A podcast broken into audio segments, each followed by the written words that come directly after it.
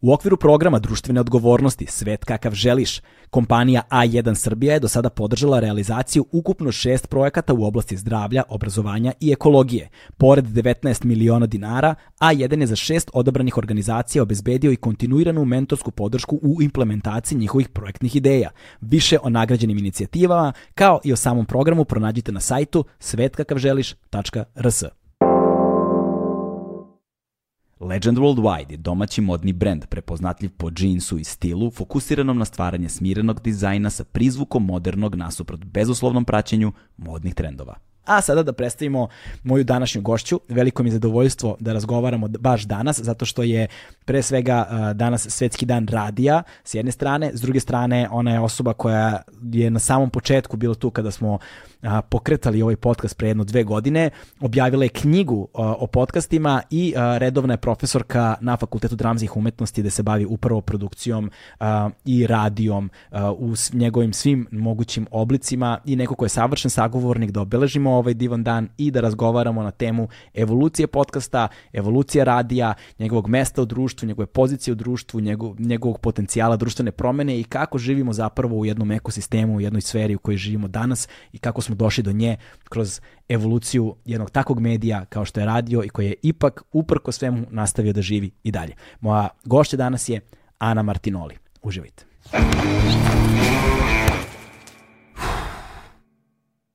Hmm.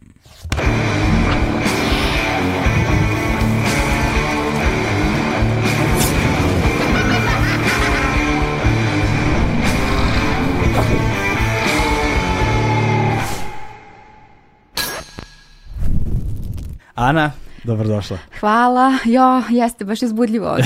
Sviđa mi se, super je, da. Hvala Ovaj, na pozivu. Nisi ponela knjigu, Nisam. tako da ću ja sada da otvorim PDF. Ja sam se u stvari plašila da ako ponesem knjigu da ćemo da napravimo da izgleda kao neki ono e, naš plaćeni termin, kao da ćemo da tu nešto stavimo Ne. i to mi se ne bi dopalo. Ove, da. Znaju ljudi da ovde nema plaćenih termina. E, pa to, da.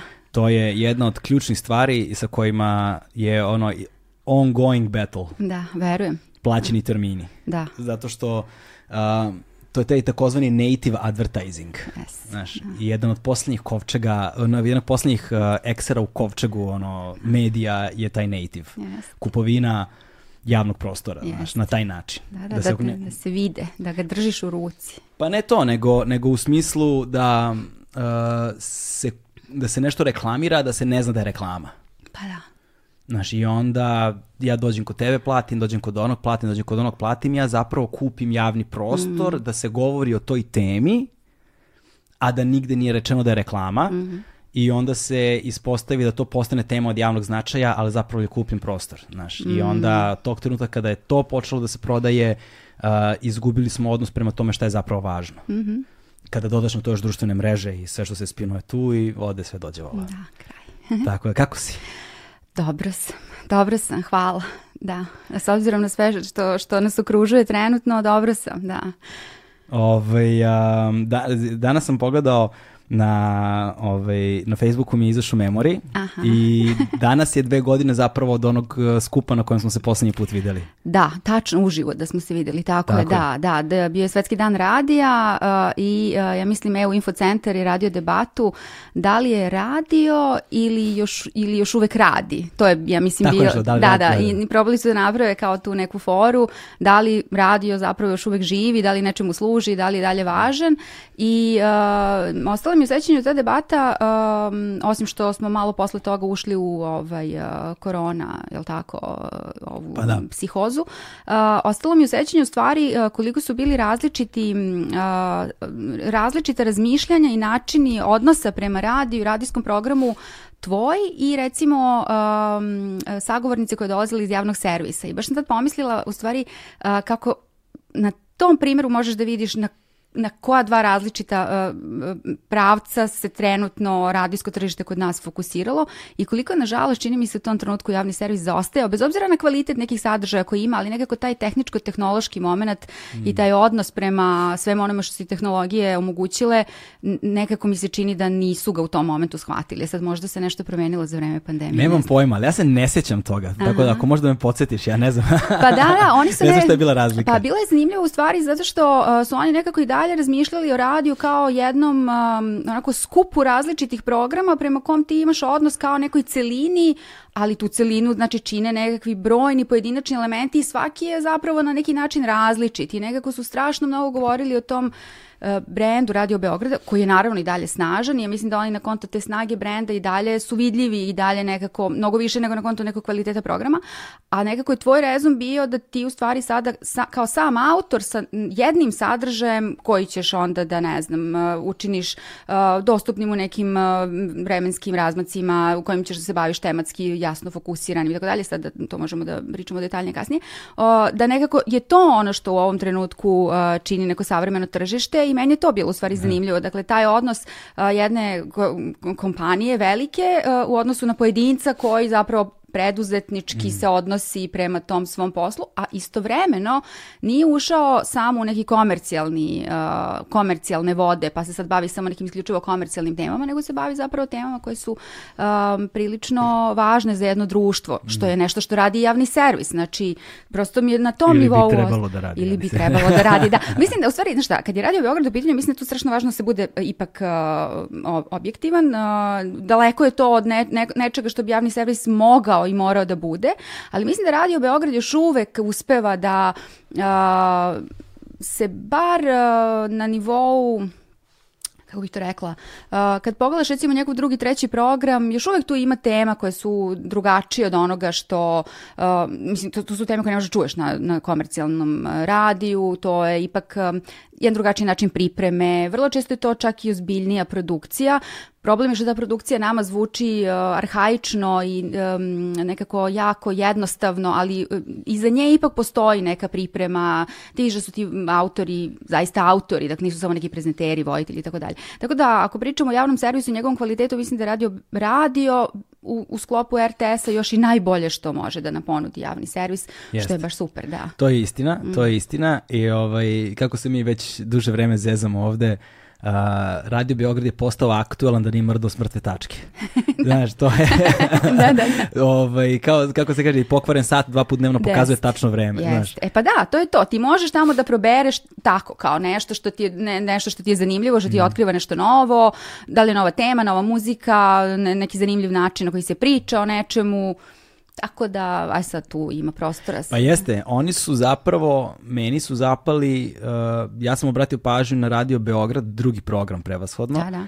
Uh, u tim dugim međugradskim vožnjama, jer su bili jedina radio stanica koja i dalje neguje govorni program. E, pa da. Tačno. To je ono što je počelo da ih izdvaja, ali ne zato što su oni želi da budu korak sa aktuelnostima, nego samo se nisu mrdnuli smrtne tačke tako 50 je, godina. tako je, tako je, da, da, da. Jeste, to je tačno, da, da, tu negde su uspeli, tačno su nekako obrnuli krug u stvari. Pa da, da, da, da, da, I onda kad se javila potreba u društvu za govornim programom, yes. oni su već bili da, tu. Da, evo mi to radimo, što ti kažeš da, već 50 godina. Yes. A druga stvar, nisu se modernizovali što se tiče tehnologije i opreme mm -hmm. i onda imaju tu analognu, gotivnu, staru opremu koja, za koju bi svaki hipster danas ubio yes. da ima. Yes. Svaki yes. muzički producent bi ubio za mikrofone koje oni koriste i za te stvari. Tako da, i onda su super oni kapitalizovali jednom trenutku na tome sa onim sessionima u studiju 6. Jest, jest, apsolutno. Da, da, da, to je stvarno divan, divan uh, bio projekat. Ja ne znam da li to još uvek sad dobre korone, ali ja se sećam da našim studentima to bilo strašno interesantno. Mm. Dođu da vidio jedan puta uživo kako izgleda sve ono što ti čuješ kao iz zvučnika mm. kad si kod kuće i taj prostor je stvarno divan. Ma, mislim, prosto kapaciteti Radio Beograda su genijalni. I on u stvari, um, kada je u pitanju um, upgrade, taj tehničko-tehnološki, oni ga zapravo vrlo prate zato što imaju, uh, imaju budžet, mislim, da. dakle, mogu da se upgradeuju, samo što ti to nažalost ne čuješ u programu, mi ne čujemo to u programu, a oni kada bi pogledao njihovu opremu, njihovu spremnost da se potpuno uh, prebace na digitalni, uh, da, da postanu digitalni radio, da, da prosto uđu u tu, tu digitalizaciju skroz, oni to mogu, dakle, on, oni su stvarno spremni, ali je problem što kao da nekako, ne znam, ne znam, ne znam da li iznutra nema interesovanja, da li je možda radio u sklopu tog, mislim, užasno je nezgodno kada si deo jednog velikog medijskog sistema u kome naravno da prioritet ima televizija, pa onda ne znaju šta će sa sajtom, u stvari sajt im je negde čini mi se najzapušteniji, potpuno su se fokusirali na tu RTS planetu, koja je genijalna, i onda radio nekako tu se ne opaža kao neki mnogo bitan uh, sektor, pa se njime nekako mnogo ne bave. Sve nekako ostaje, čini mi se, nekom entuzijazmu pojedinih uh, urednika, autora i tako dalje. A šteta, to je stvarno niskorišćen da, ali nije samo, ali nije samo pitanje tu entuzijazma. To je, to je s jedne strane i to ono uh, glomazno birokratsko telo. Apsolutno, da, da, tako koje je. je tromo i sporo Sigurno. i na taj način ne odgovara zahtevima savremenog tržišta. Apsolutno. To je jedna stvar. Druga stvar je uh, taj, ta, ta, ta sistemska stega mm -hmm. zbog koje onda nema puno prostora za slobodu izražavanja, tako za je. kreativnost i tako dalje. I treća stvar je negde ta politika, znaš, da li zapošljavanja ili kadrovska politika, mm -hmm. nazovimo je kako god hoćeš i onda zapravo vrata nisu otvorena za te sve neke ljude koji bi možda mogli da se oprobaju u tim nekim sadržajima. To jeste, uh, znaš šta, ja evo recimo sad imam poslednjih uh, već 18 godina uh, da uh, radim na Fakultetu dramskih umetnosti i to je jedna budžetski finansirana obrazovna institucija, dakle državna škola i uh, u odnosu na moj drugi posao koji sam radila isto 18 godina pre nego što sam prestala, koji je bio opet jedna komercijalna uh, ko kompanija, uh, to su dva sveta potpuno i u stvari ti ja recimo gledam na fakultetu, ti da bi uh, recimo uveo novi studijski program, da bi uveo novi predmet, to nije tako jednostavno kao što je to možda uh, recimo iz perspektive privatnih škola koje u suštini moraju da zarade svoj novac na tržištu i na neki drugi način se prosto pozicioniraju, oni se stvarno pozicioniraju kao preduzeća, dakle da. preduzeće koje prodaje neko znanje. A kad radiš na fakultetu kao što je fakultet dramskih umetnosti, koji s druge strane ima mnogo nekih prednosti, ono što mi se čini da jeste, mana, to je baš ovo o čemu si ti govorio, a to je što si ti um, ograničen uh, procedurama, uh, na tebe se vrlo um, strogo primenjuju svi mogući zakoni, uh, zakon o radu, recimo, mm. ti nemaš tako lako da zameniš uh, nekoga ko možda ne radi svoj posao, ne dolazi na posao i tako dalje. Ti u privatnoj kompaniji to možeš da uradiš preko noći, dakle sutra neko može da kažeš izvinite, meni sad ovo više ne treba da neko drugi. A to ne može tako kad radiš uh, u nekom državnom državnom preduzeću, što je i radio Beograd. I onda mislim da je, da, to je definitivno problem, što se jako sporo dešavaju promene uh, koje su u interesu uh, pa na kraju slušalaca zapravo, da. a u interesu al, i kompanije. Ali dobro, znaš, ne bih se baš složio da je problem u tom kontekstu, mislim da prava radnika treba da budu zaštićena. Ne, naravno. I radnici treba da budu zaštićeni na svaki e, mogući to, način. To, da, da, to nije, da. nije to sporno, možda da. se ja nisam dobro izrazila, da, da. ali je činjenica da ti uh, nemaš prostor da uh, recimo uh, kako bih rekla, da svoj tim učiniš boljim i da um, dovedeš recimo novog radnika, zato što ti u ovom trenutku imaš zabranu zapošljavanja u državnim preduzećima. Da, dakle, to je da, recimo isto problem. Ostalog, da, Tako je, da. da. Tako da ne, nisam htela da zagovaram kao da dajte nam slobodu da otpuštamo. Ne, Neoliberalni koncept. Ona. Ne, ne, ne, to. Ja čak nekako imamo, mislim da svi, svi, svi koji smo nekad davno radili na 90 dvojci pa smo doživjeli tu, taj tranzicioni period kada mm. smo zaista postali privatna kompanija i kada, su nas, kada nas je kupio uh, grčki uh, antena, antena uh, mi smo stvari tek tad shvatili šta to znači, zato što su bili čuveni ti uh, traumatični redovi ispred uh, kancelarije za HR petkom. I kao petkom to, mislim, tako da da, ne, mislim, prosto ne bih voljela da ostane to nejasno. Dakle, nije poenta u tome da ti možeš da otpustiš kad hoćeš koga hoćeš, nego je poenta u tome da ti ipak imaš uh, manevarski prostor da svojim novcem raspolažeš na neki način koji će ti omogućiti da svoju kompaniju uh, učiniš boljom savremenjom, da, do, da dovedeš neke nove ljude. Mislim, ti da. to sad ne možeš. Mislim, ti moraš čekaš neko da. da u penziju, moraš da i tako dalje. Mislim. S druge strane, tu postoji, dakle, problem osavremenjivanja, jel te, uh, ono, updateovana tehnologije mm -hmm. s jedne strane, s druge strane um, obuka i edukacija kadrova. Tako je, tako to je. je. To je, to je, to je druga stvar. Uh, sad, da ne, da, ajde pre nego što uđemo u sve te stvari, mm -hmm. da, da se malo vratimo na početak. Može. Jel te, ovde, ovde si iz nekoliko razloga. Prvi, ono, svetski dan radija, uh, objavila si knjigu uh, koja je prevashodno dakle, za, za, za, za fakultetske potrebe, mm -hmm. ali je za mene veoma važna. Dakle, prvi 15 godina podcastinga od eksperimenta do državnog medijskog biznis modela, održivog, medijskog, da, da. održivog medijskog biznis modela. Moram da promenim dioptriju. ovaj, ali bi mnogo bilo bolje da si donala knjigu nego gledam PD, jo, jeste, PDF ovde. Sam, Nema veze. Ovaj, I a, ti si, i volio bih zapravo da govorimo o tome. Dakle, da imamo tu um, da govorimo o istoriji radije, o tome kako je zapravo rad, kako je zapravo podcast danas uh, evolucija na neki način tog radijskog mm -hmm. programa i radijskog sistema i koja je njegova pozicija i njegova, njegova važnost u društvu i ka, šta je ta evolucija zapravo donela i na koji način se ona desila. Um, nekako mnogi, posebno mlađe generacije, misle da život počinje i završava se sa njima. Znaš? da, da. I, ovaj, I onda kad oni otkriju nešto, misle da su prvi koji su to otkrili. A zapravo ne shvataju da sve što danas konzumiraju je postojalo yes. mnogo, mnogo, mnogo pre njih, samo u nekom drugom obliku koje je društvo i tehnologija i duh vremena dozvoljavao tada, ali ideja, principi su bili isti. Ovaj, I da nije bilo tog istog radija koji je imao i moć društvenih promena, koji je imao različite uloge i funkcije u društvu i pojedincima i porodicama i domaćinstvima kako je vreme odmicalo, ovaj, ne bismo danas ni podcast imali na način na koji bismo ga imali i da je ta intima mm -hmm. radijskog glasa Jeste. ono što je možda ključni začin zapravo uspeha podcasta danas, bez obzira na sadržaj koji se mm -hmm. tu ovaj, plasira. I to je ono što, čemu, na što bih volio da stavimo fokus, da, zapravo na tu istoriju radija, i na evoluciju radija i dolaska do ovoga u čemu uživamo i baškarimo se danas. Ovaj, ti si, da po, po, počnemo pre svega, sama si pomenula profesorka na Fakultetu dramskih umetnosti u Beogradu, redovna profesorka. Redovna profesorka od pre godinu i po dana, još uvijek se nisam navikla na taj novi identitet i jako, jako sam na njega ponosna zato što um, nekako ne, tome baš prethodi dosta nekog posla uh, kojeg ja nisam bila svesna i nisam, da sam recimo znala kako će to izgledati u trenutku kad sam počela da radim kao asistent pripravnik 2003. Ne znam kako bih ovaj, se odnosila prema tome.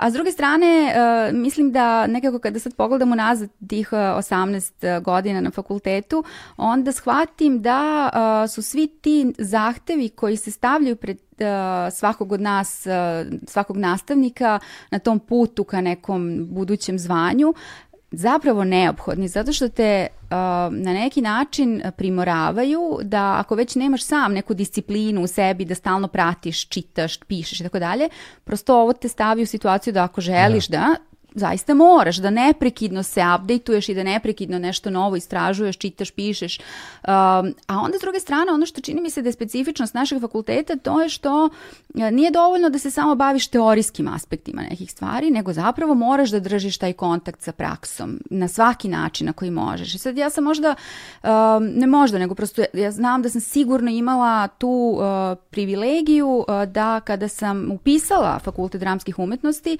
98. ja sam već dve godine bila na radiju B92 i mm -hmm. to je bilo posle studentskih demonstracija 96. 97. Dakle, ja sam došla posle tih demonstracija na 92-ku i uh, u tom trenutku sam ja bila student treće godine psihologije. Dakle, potpuno neka druga kao priča je bila uh, u planu. Međutim, mene je tada uh, 92 toliko ponela, dakle sve to što je taj radio mogao, sve to što je radio, sve to što je značio tom društvu, način na koji se odnosio prema događajima, uh, entuzijazam ljudi koji su na tom radiju radili, Me, za mene to bilo potpuno, uh, potpuno je promenilo moj odnos prema nekoj budućoj uh, profesiji, karijeri, ideji o tome što bih voljela da radim. I 98. godine kad sam ja došla na uh, fakultet dramskih umetnosti kao već uh, starija od svojih kolega na prvoj godini, zapravo sam već imala kontakt sa praksom i taj kontakt sa praksom koji je trajao posle do 2014. 15. godine je bio dragocen, zato što mislim da ne bi bilo dovoljno samo ono što sam učila na fakultetu. Mislim da je bilo dragoceno što sam sve vreme mogla da pratim šta se zapravo sa radijom kao medijem dešava, šta se dešava s radijskim programom, kako internet menja radio, kako menja slušaoce, kako, kako nas primorava da se prilagođavamo jednom novom tržištu koje je nastalo nakon 2000. godina i mislim da je to do dan danas ostalo jako važno ako želiš da predeš uh, nešto što je vezano za, za recimo naš fakultet. Da, dakle, ne da. može baš samo teoretički. Mislim, imamo katedru koja je teorija i istorija i to je, sad, to, su, to je strašno važan korpus predmeta koji su podrška, dakle, i koji, koji ti prosto daju kontekst, uh, upoznaju te sa evolucijom uh, raznih medija, umetnosti, uh, kult, teorija kulturi, tako da, tako da bez toga ne možeš. Ali ako ti nemaš kontakt sa praksom, ako ne razumeš, ako nekako sve stavljaš samo u kontekst neke teorije i teorijski promišljaš šta bi možda bilo, to ne služi ničemu. Mislim, prosto, tako da, uh, da, uh, otišla sam u digresiju, ali da, redovna... redovna ovde, ovde može. Ovde digresija se, da. ovaj, uh, tako da, da, redovna profesorka, ali u stvari moram da kažem da nekako mi se čini da je za mene možda podjednako važno što sam se trudila da sve te godine nekako ostanem u kontaktu sa praksom i sad danas znam kad neko pita uh, kao, znaš ono kad nekada odeš pa kao kako da vas potpišemo, a ja, meni je strašno važno da se potpišem i kao producentkinja, dakle ja da. i dan danas se trudim da zapravo nešto pravim i mm. to sad nije možda vezano za neku kompaniju medijsku, to je možda nešto što ja radim samo za sebe i za neki uz, uski krug ljudi kojima je to zanimljivo, ali mi je strašno važno da zapravo sve vreme imaš kontakt sa uh, produkcijom, sa pravljenjem, sa razmišljanjem šta bi možda nekom bilo zanimljivo da čuje, kako da mu to predstaviš, kako će publika na to da odreaguje, šta danas sve možeš kad imaš mreže, tako da da. da. A1 je prvi prijatelj audio izdanja Agelast podcasta. Prva stvar koju sam pogledao kad sam, ovaj, kad sam dobio tvoju knjigu, a, bilo je, da vidim koliko stranica ima ova, ova banalna tema. Znači, i onda sam shvatio da ima 150 i nešto strana. I sam znao, šta se, brate, piše 150 strana u podcastu za kao, to bi trebalo da bude pamflet od pet da, listova. Napravit ćemo, da. Jer, znaš šta je fora? Fora je u tome što kada lično uđeš u nešto i kada je to nešto u samim začecima, to su dve, tri sitnice koje ti sad nešto tu povezuješ, ali svaki dan po dve, tri sitnice i ti nekako habituiraš, navikneš se na to što se dešava, postane ti automatizam o kojem ne razmišljaš i onda kad te neko pita, u, ti se sigurno ne znam koliko cimaš, a ti si u fazonu, pa jebati ne cimam se ništa, mislim, nije ništa posebno kao... A pritom je i lepo. Kao, a pritom je i lepo, da. nije ništa teško, nije ništa posebno, pritom je lepo kao, i onda me zovu tako, e, bi mogao da nam držiš neku obuku ili nešto, rekao, ne znam šta da nam držimo, ja ne znam šta bih, a onda kad sedneš i probaš da zapišeš, da raščeš raščlaniš, zatekneš sebe da toga ima, ima, ima, ima i da je te tako jed, na izgled jednostavne stvari zapravo uopšte nisu jednostavne. I ti si to tako lepo raščlanila i ovo, ima tu puno pojmova kroz koje bih volio da prođem. Mnogo bi mi jednostavno i zaista bilo da imam fizičku kopiju, ali nema veze. E, scrollovat ću po, po ekranu ovako. Ovaj, e, ali um, ajmo ovako, šta predaješ ti zapravo na Fakultetu dramskih umetnosti?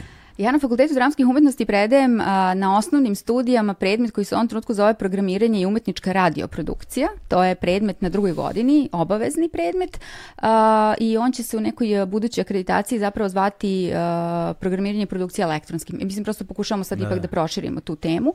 A, predajem a, nešto što se zove management a, elektronskih medija crtica radio na a, četvrtoj godini a, i to su predmeti koji su su recimo uh, stručno aplikativni, recimo ako bismo ih nešto svrstavali u neke kategorije i predajem teorijske predmete medija masovnih komunikacija, teoriju i praksu digitalnih medija, savremene medijske sisteme, da. ali to možda nije toliko zanimljivo za ovu priču, to su neki, neki kasni nivoji studija, master i doktorske, ali ono što je na osnovnim studijama meni fokus, to je zapravo programiranje i produkcija uh, radija, elektronskih medija. Pre nego što se upre, upre, upustimo u to, samo me jedna stvar zanima, mm -hmm. a to je a, da li se razvojem podcasta a, zainteresovan studija, studenta za aspekte radijskog dela silabusa promenio? To je, mislim, dobro pitanje. Dakle, ono što je naš iskustvo, ja prvo moram kažem da se ja na katedri koja je onako poprilično... Um, Filmska. Uh, ne, e, ne, ne, ne, nego je zapravo vrlo uh, eklektična, uh, možda bi bila bolja reč.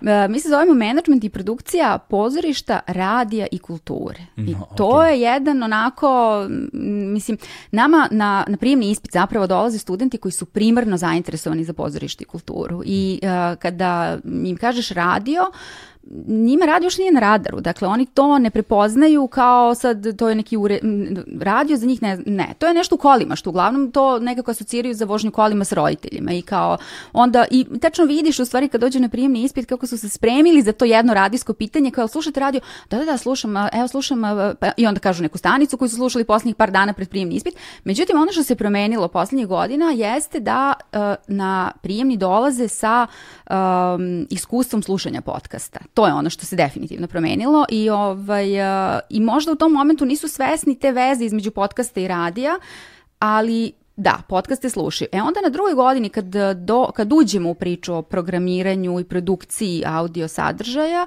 pa između oslog se dotaknemo i podcasta, dosta, sad sve više i više, jako ih to zainteresuje. U stvari taj kontakt sa praksom i ta, e, to osvešćivanje da brojne neke njihove medijske navike koje imaju već razvijene, bilo da su vezane za muzički streaming servise, ove razne dizere, Spotify, otko znam, YouTube takođe, ili za podcaste kroz razne podcast platforme, mada podcast zapravo najviše vezuju za YouTube i dalje.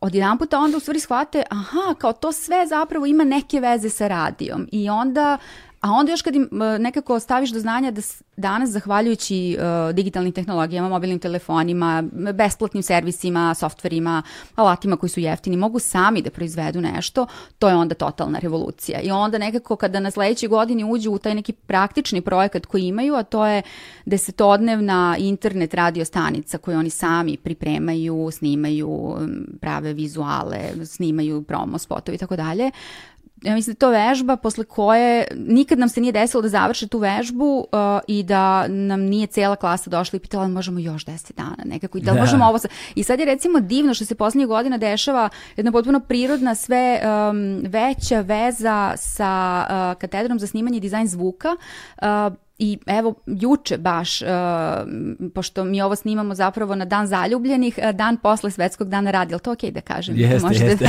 ovaj, ne znam to, ono što kažu kao, govori kao da si sutra nešto ili nema pojma. Ovaj, ali, uh, dakle, juče smo imali ceo dan na fakultetu uh, online program koji su realizovali naši studenti, studenti menadžmenta i produkcije i studenti uh, snimanja i dizajna zvuka i uh, potpuno su sami osmislili jedan mali audio eksperiment gde kao ti sad možeš da slušaš od 12 12 do 5 uh, tok dana jednog uh, običnog uh, momka. Kao sad mhm. šta on sve radi, sad pa malo slušaš koju muziku sluša, pa malo čuješ kako nešto i tako. Tako da je to u stvari bio jedan onako i radijski program i audio eksperiment i uh, tako kombinacija svega.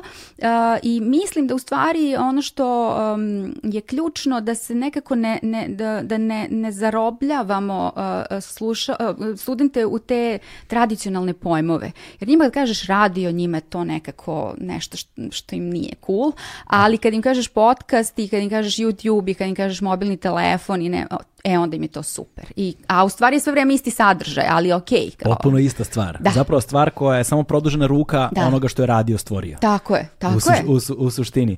Ovaj, uh, strašno mi je zabavno, uh, mislim, pre svega si tu da bismo upravo napravili tu vezu, ovaj, uh, ali, mi je, ali mi je strašno zabavno način na koji zapravo se percipira uh, ceo, ceo, taj, ceo taj sadržaj, ali, ali da počnemo sad negde, da je krenemo to istorijski. Um, uh, radio je imao svoju ogromnu društvenu ulogu i kreirao je um, revoluciju svesti, a, društva u trenutku kada se pojavio. Mm -hmm. a, pre radija nameštaj u kući je bio postavljen drugačije. Tako je. Znaš, to je prosto yes, fizički, uh, radio je, kasnije to bio televizor, je postao, postao centralni objekat, centralna, ono, centralni predmet uh, glavnog boravišnog prostora.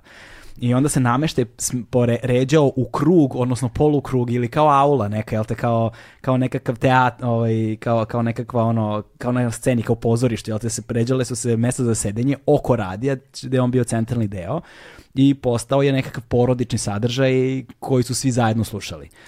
Ovaj, stvari koje su se na radiju dešavale pre nego što je postojao neki drugi mediji, su isto tako bile revolucionarno velike. Recimo, Rad svetova Velsov, kada je bio prvi put emitovan, ljudi su ono, se sakrivali u podrume, imali napade panike, jer je kao, osmišljen je bio kao prekid programa u kojem se dešava zapravo zaista simulacija pravog rata svetova, ljudi nisu znali šta se dešava. Autostoperski vodič kroz galaksiju da. ne bismo imali da nije bilo radija. Okay. Dakle, radio je bio radio je stvorio revoluciju u distribuciji i popularnosti muzike. Absolutno, ono, da. rock and roll Dobro, rock and roll je, je radio, ali i televizija, jer jel te 57. godina, tako nešto bilo Jeste, kada, da. je, kada je Elvis Presley bio uživo na TV-u. Da, da, da. Najveći da. televizijski šer u istoriji. Ovaj, to, kao, naš, ali mm -hmm. ok, znači radio je odigrao svoju ključnu, ključnu ulogu i ono što je meni uh, negde uh, sada najbolnija tačka celog tog podcast ekosistema jeste što i dalje velika većina ljudi, ali doćemo od toga, ide tom linijom manjeg otpora ovaj, i još uvek se kod nas, bez obzira što već ne znam koliko godina, nekoliko godina aktivno imamo ogromnu, on, ogromnu, ajde, to je sad negde... Jeste, ali značajnu produkciju. Ali značajnu da, da. produkciju i podcast zajednicu, da kažemo na neki Jeste. način. Još uvek se nije pojavio zaista ozbiljan podcast produkcijski um, ono ovaj sadržajno na kao što su radio drame, mm -hmm. kao što je do, dokumentarni zvuk, mm -hmm. kao što je kombinacija e, pisanog scenarija i dokumentarnog kao što su recimo True Crime Tako koji je. su ono mega popularni yes, yes. mega popularni globalno ali ovaj ali je to kultura koja je zapravo postojala ovde u ogromnoj, u ogromnoj meri mm -hmm. koja govorimo o tradicionalnom radiju.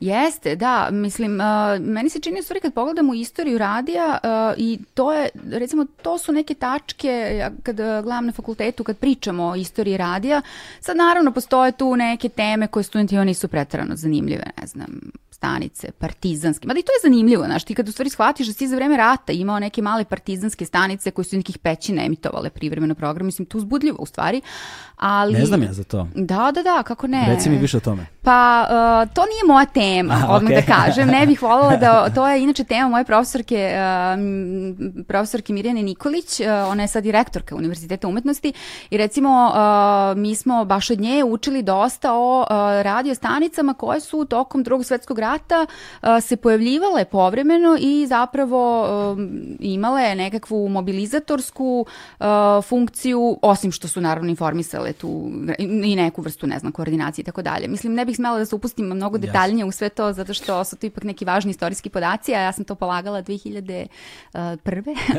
ali, ovaj, ali recimo da, mislim, prosto to je neko iskustvo koje, koje postoji u praksi, ali recimo kad pogledamo Što mi je bilo interesantno dok sam razmišljala uh, o, o toj kopči podcast, radio i koliko je radio bio važan za, za kulturu i društvo, društvo uh, za razne kulture i za razne društva.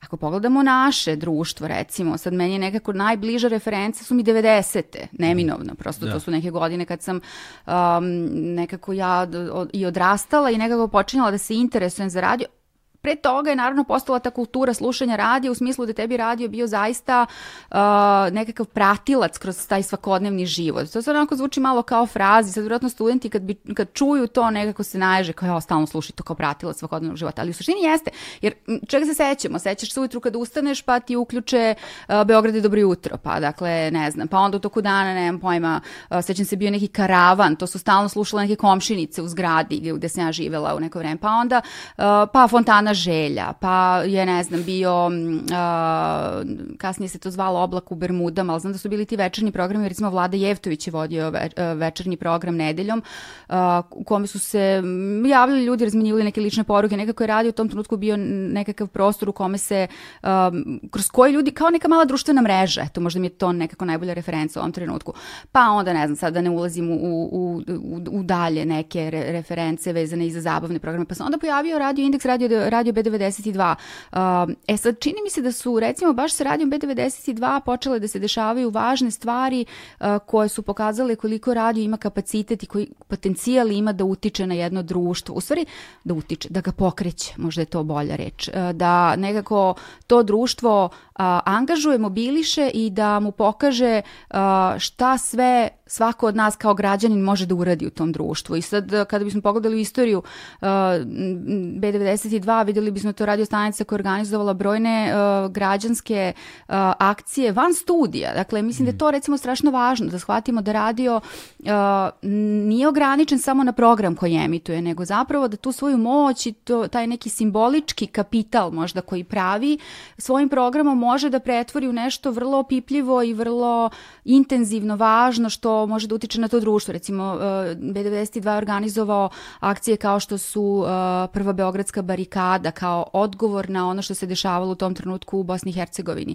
Organizovao je takođe ogroman uh, koncert antiratni. Uh, to su tek, tek, to su onako baš pominjem tek pone, ponešto od svega onoga što je što je radio kao nekakav pokretač društva mogao da uradi. Kasnije naravno bilo tu jako mnogo drugih akcija, miting debelih, sve predsednikove bebe, dakle gde su ispred predsedništva roditelji odnosili, odnosili, dolazili sa svojim bebama da bi izrazili protest protiv nekih uh, zakonskih, uh, koliko se sećam, rešenja koja su na neki način ugrožavala roditelji. I tako da tako da uh, radi u stvari može mnogo i uh, ali ono što mislim da recimo zanimljivo o, o čemu mislim da se m, mi recimo na fakultetu ne pričamo mnogo o tome a to mi je baš žao. To je možda istorija piratskog radija. Meni je recimo ta uh, istorija jako uzbudljiva i, um, i volim na nju da se nekako referišem kad pričamo sa studentima o tome šta sve radio može. Recimo mi sad kad pogledamo Velika Britanija u tom smislu super primjer znao sam da ćeš to da pomeneš sa broda. Sa broda onda je počelo, da, da, da, svi ko znaju to Radio Karolina, ne da, znam da, i tako da. dalje, ali, ali ne ova Radio Karolina. Ali ne, da, ne ova, da, da, da ova, ova nije, ova britanska nije bila ni lagana ni fina kao ova naša. Karolina. yes. E, ali znaš šta, Karolina, mi se, mislim, se smemo, smemo, ali Karolina, boga mi, uvijek među prve tri najslušanije u Beogradu, pa ti vidi. Ali kada pogledaš koje su to cifre, onda shvatiš da to baš nije toliko impresivno. Da, pa da, e, znaš šta nije impresivno? U stvari, nije impresivno ukupno uh, slušanje radija u Srbiji Srbiji. To da. je ono što je problem. I Ali postoji onda... razlog za to, a doći ćemo do toga. Tako je, da. formatizacija. Jeste, posto, uh, da, i to i s druge strane mislim da publika prosto menja navike, prelazi na televiziju, nekako je to, prelazi na internet i tako dalje, ali da, pričat ćemo. Ali recimo, kad, kad dakle, absolviramo slučaj Radio Karoline koji znamo i koji ima i na filmu da se odgleda, um, ono što je zanimljivo da uh, je 70-ih, 80-ih, 90-ih godina su nailazili talasi piratskih radiostanica koji dakle više nisu bili vezani za brodove i za te uh, vode koje ne pripadaju nikome i tako dalje, nego su bile vezane za neke um, srednje, kratke, pa kasnije i za... Izvini, izvini što te prekidam. Mm -hmm. ovaj, samo da se vratimo korak unazad Aha. za ljude koji ne znaju, verujem da ih ima dosta koji ne znaju, da objasnimo šta je bila Radio Karolina Aha, može, može, i zašto brod i, da. i šta, znaš, samo kontekst. Može, da. O, možemo u stvari da, da im damo referencu, odgledaju, uh, mislim da se kod nas to prevelo kao Radio Brod, da, to je film koji se zove The Boat That Rocked i množa se gleda, vrlo često ga na nekom od ovih kablovskih kanala emituju i on je u stvari negde vrlo e, precizna uh, rekreirana priča o Radio Karolini, ona se uh, pojavila 60. godina i ona je bila, dakle emitovan je program sa broda iz voda na koje zapravo nisu mogli da se primene zakoni Velike Britanije u tom trenutku, pa samim time nije postoje osnov da se ona sad nešto sankcioniš. U nekom trenutku su doneti zakoni pa, se, pa je to naravno moglo, ali dakle postoje neki period u kome je ona mogla praktično neometano da emituje. Ona je za uzor za svoj program negde vrlo često navodila Radio Luksemburg recimo kao jednu onako hiperkomercijalnu muzičku pre svega stanicu. Međutim šta je zanimljivo za Radio Karolinu? Recimo um, ona je ponudila slušalcima sve ono što BBC u tom trenutku nije nudio, a to je bio jedan vrlo nekonvencionalan, strastven, upečatljiv, autentičan, voditeljski program, odnosno karakteri koji su radili na tom radiju su bili vrlo upečatljivi u odnosu na neke vrlo e, formalno uštogljene glasove BBC-a, naravno. E, I u stvari to su te lekcije koje su genijalne, koje danas u stvari možemo da imamo kako možemo da iskoristimo. Dakle, to je to. Zapravo to je potpuno isto preslikano na podcaste danas. Apsolutno, da. E pa baš Podcasti zato. su uveli taj neformalnu komunikaciju koju je Radio Karolina imala u odnosu na BBC yes. tog vremena. E pa zato je u stvari čini mi se, meni je bilo interesantno da te piratske radio stanice pomenemo, zato što mi se čini da one nekako se prenebregavaju kao uh, jedna važna etapa u istoriji evoluciji radija. Onda Radio Karolina ponudila jednu muzičku selekciju koja je bila uzbudljiva, um, gde se koketiralo sa muzikom koju možda BBC ocenjivao kao uh, previše slobodnom i tako dalje. Dakle, ona je nekako zaista porušila sve konvencije koje je BBC nekako vrlo kruto zacrtao um, i u nekom trenutku um, je počeo taj obračun sa Radio Karolinom, shvatili su da um, publika zaista uh, poklanja pažnju uh, tom programu, ali ne samo što su, što, ok, u nekom drugu Radio Karolina zabranjivana, gašena i tako dalje,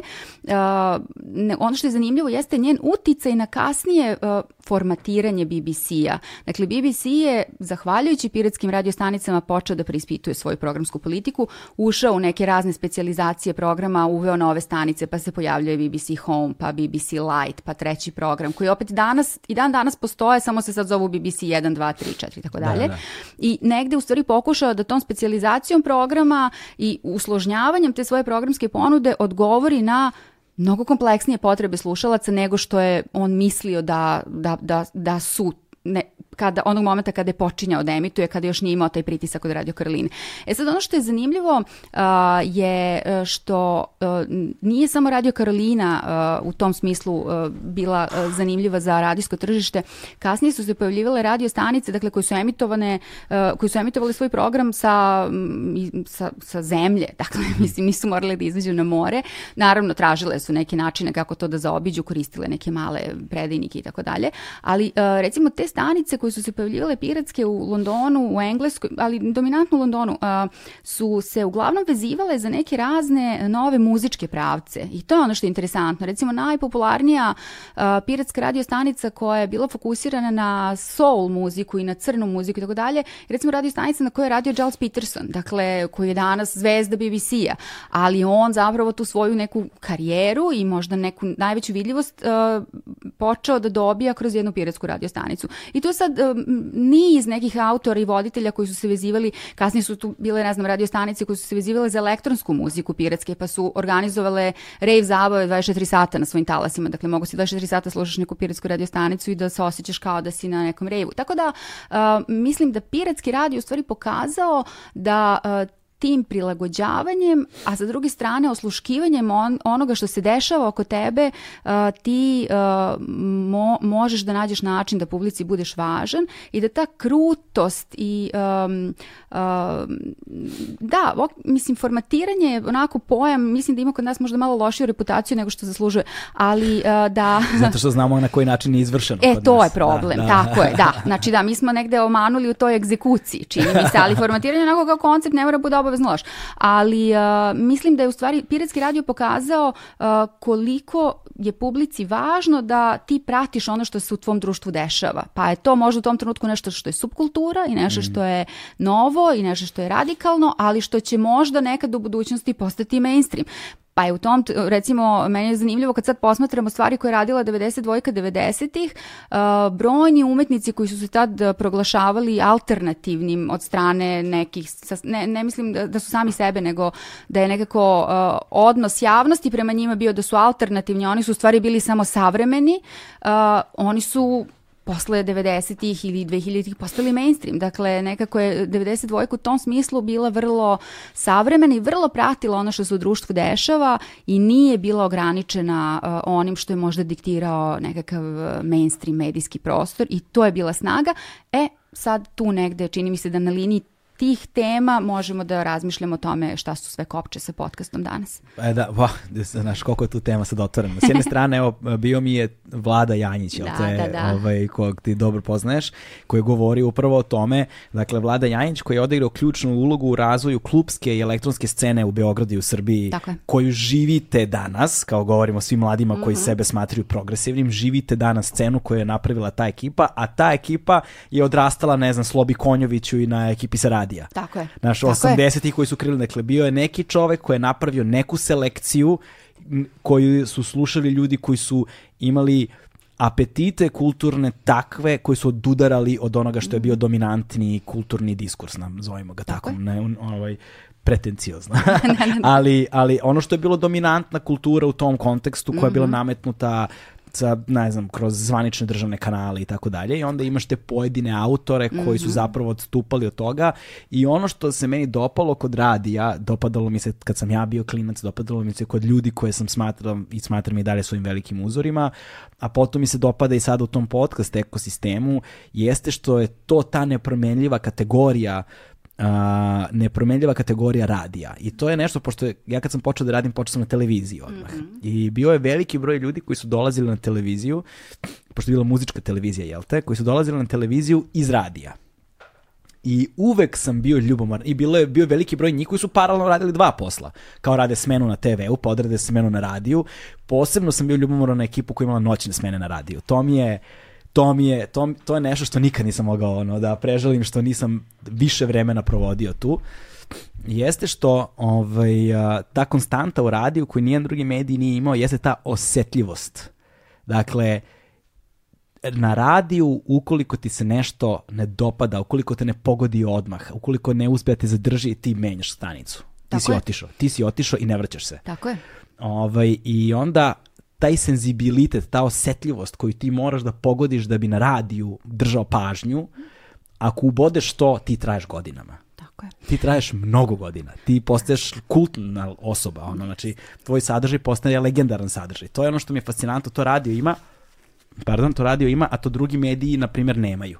I podcasti to imaju na isti način, imaju. potpuno.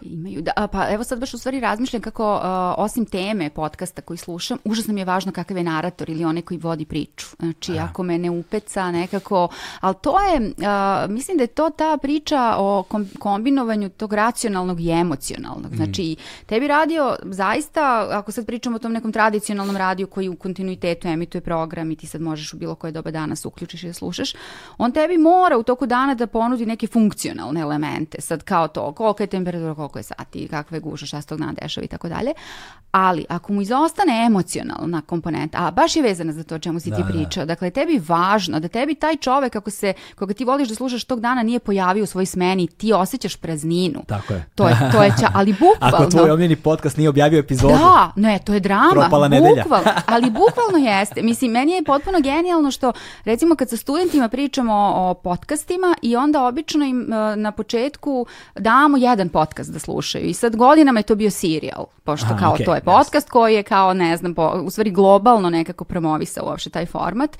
Nije, ja se zaista ne sećam generacije uh, koja se vratila posle slušanja da je nekako bila, pa okej. Okay. Ne, uglavnom su bili oduševljeni i odatle su zapravo nastavljali da istražuju dalje, sad neki su otišli, ne znam, u jedan žanr, o neki drugi, ali zapravo je njima ta priča o tom momku i ta uh, Sara koja priča priču su postali potpuno genijalno bitni i nekako su kasnije počeli da prate gde sve Sara, Sara je ta i novinarka i producentkinja tog podcasta koja govori, koju slušate zapravo sve vreme, oni su kasnije nju nastavili da prate, pa je onda ona radila neke nove serijale, pa su se vezali za njen glas. Dakle, ti se tu zaista vezuješ na nekom iracionalnom nivou. Mm. Dakle, ne, ne, intimnom nivou. Intimnom Intim nivou. Da, ti ljudi te... postaju tebi intimno bliski. Jeste, da, da, da, da, baš su ti nekako kućni prijatelji. Jeste. Sad to je 90-ih bilo recimo jako uh, karakteristično i imalo jednu posebnu dimenziju zato što su 90. godine bile tako politički uh, vrlo turbulentne, mm. pa je onda nekako i sa tim, dakle, mislim recimo kada bismo se vratili uh, u 90. onda bismo shvatili da su možda najveće zvezde radijske bile uh, novin, bili novinari koji su radili političke programe, uh, intervjue, izveštaje sa ulica, reporteri i tako dalje, ali pre toga, 80-ih, zapravo su najveće zvezde bile ljudi koji su radili razne kontakt programe, uh, koji su, uh, pa eto recimo Vlada Jevtović Đurić, on je bio, ja, recimo profesori kod nas na fakultetu se njega sećaju, e, ljudi su bili zaljubljeni u taj glas. Mislim, kasnije su da njega nasledili neki ljudi u čije su glasove takođe ljudi bili zaljubljeni. Um, ja znam po sebi, ja sam recimo ta generacija koja je odrastala baš na radiju bez vizualne komponente. Uh, sećam se svojih razočaranja kad ovaj, upoznam konačno nekoga i kao ne, a sećam se prosto i te, te, te to, da, baš to što si opisao, dakle te kopče vrlo intenzivne, emocionalne, uh, mislim knjige su napisane o tome, čak su Englezi imali um, tu, to, je sad, to su neke kod njih 80. godine, mi smo nekako sve kasnili za tim uh, procesima na tržištima po deceniju dve, ali oni kada su tako um, 80. godina čini se dominantno ušli u taj proces formatiranja jednog strateškog tehnički promišljenog programiranja, sadržaja i tako dalje, onda su recimo njihovi voditelji uh, nekih radiostanica koje su recimo kao svoje ciljne grupe ključne definisali žene, recimo 25-45, onda su voditelji ispred sebe imali sliku uh, žene koju su njihovi uh, kao konsultanti, urednici, prvo se nazvali Dorin i ti dok govoriš, ti zapravo stalno ispred sebe imaš Dorin sliku da ti nekako prilagodiš taj način na koji govoriš. Nisam znao za to. Da, da, to da. E, pa da, Dorin, Dorin je ta neka na, žena, sad ja ne znam da li je to bila fotografija ili ske, ono, skica ili već ne, ali da, Dorin i ona se stoji ispred tebe kao slika, a ti kao voditelj u stvari se trudiš da zavedeš Dorin na neki način, kao i to da. je to. Ma možeš to danas recimo da čuješ ime ovih programa domaćih radiostanica um, gde postoje, kako se to zove, uh, to je mislim Naksi radio, oni uveče imaju, ja smijem da reklamiram radio? Biće Ma slobodno, da. ne moraš okay. da pričaš što hoćeš, ovde može. Dobro, ovde ne, ne bih da, ali oni recimo imaju taj neki noćni program, mislim da se Sveta zove čovek. Dobro. Sveta bukvalno zavodi svako veče svoje voditelje. Da, da. Da li ste Vidiš, se nama? Nemam pojma da li sam slušao Naksi radio, fazom ikad. Pa znaš šta, nama je recimo jako važno, nama je važno jako da recimo, ja nama, nama, ovaj, mislim, mi se trudimo da studente recimo na fakultetu vrlo detaljno upoznamo sa tržištem, zato što ti možeš da imaš neku ideju o tome šta bi volao da radiš, šta je uzbudljivo, šta i tako dalje, ali ti moraš da razumeš tržište na kome si, da, mislim, to je da, da. neminovno kao sad nekako, jer neće svi otići u, u nekom pravcu um, preduzetništva i istraživanja, nego će želiti da radi prosto u jednom sigurnom, krupnom da, sistemu. Da, i... za razliku od podcasta, ljudi prekinite preduzetničke podcaste, više pravite. e, tako je, da, da, da, toga baš ima dosta. Pa dobro, da, vidiš to. to je, evo te, 90% su preduzetnički da, čoveč. Da, pa dobro, znaš, ne znam da li to, možda ima neki potencijal, ali, uh, ali recimo Sveta, Sveta, ne znam da li baš svake noći radi, ali uh, to je bukvalno... Uh, Viš, morat ću poslušati Svetu. Drage dame. Sveta se zove, a? Dragi Kako mu se zove taj noćni program? To počne od ponoći nešto, to, ne? Da, pa možemo da nađemo sad tu, eto, ako imaš internet na telefonu. A imamo, neću sad da googlam, googlajte vi pa dragi, javite. Dragi dame, da li ste sa nama i večeras? Da, da, odličan je, da. A bio je ranije i na 202 Vojn, ja mislim da se zvao. Ovaj, ja, da, Vojn. Eto, ima i vojne. Ovaj, ali da, znači, prosto, i to je to što ti kažeš, ti noćni programi, to je jedno vrlo specifično doba dana, odnosno noći, gdje su ljudi možda malo usamljeni, malo su sami sa sobom, malo to se i tako dalje, da. i to je ozbiljno potencijal u suštini. Da. Da. Pazi, ovaj, a tu sad imamo ono puno toga da, jel te, da otvorimo. Uh, s jedne strane, na, na konto toga što si rekla, je ta formatizacija radija savremenog šta je donela i to smo mi pričali kolege sa uh, drugih, drugih radiostanica X92, Radio da, Play da. i tako dalje.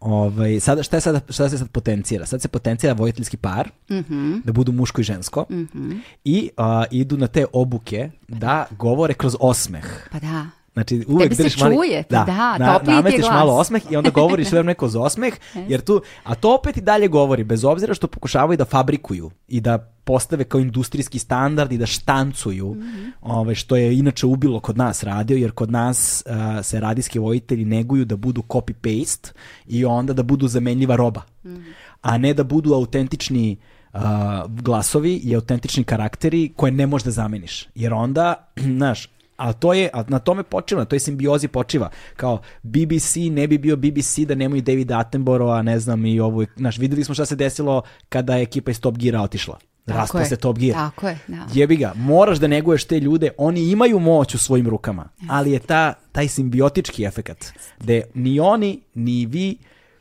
ne biste, nemate sami za sebe to što imate kad ste zajedno. Mm -hmm. I to je nekakav ono prećutni ugovor, nekad je vrlo potpisan ugovor, da. ovaj, u kojem mi uinvestiramo u tebe, ali ti nama vraćaš. Tako ili nam vi vraćate, ili nam, znaš, e, a sa s druge strane, kod nas se ne radi to, nego kod nas je, ajde sad svi da zvučite isto, pa kad si bolesna, kada nam, ono, kad nam smetaš, marš u tri lepe, samo stavimo, samo ne primetiš. Jeste, ne primetiš, da, da. su ljudi zamenljiva roba. I to je jedna stvar koja je ubila taj, pored mm. toga što su ubili govorni program, nego su ubili to i, a, i onda to forsiranje na večitom pozitivnom. Mm -hmm. Znaš, zašto ne bi mogao da dođem jedan dan i da sam neraspoložen, da sam Tako. tužan, pa onda puštam muziku kakvu hoću, pa da, mm -hmm. znaš, i onda nekako da moji slušalci idu zajedno sa mnom na to putovanje.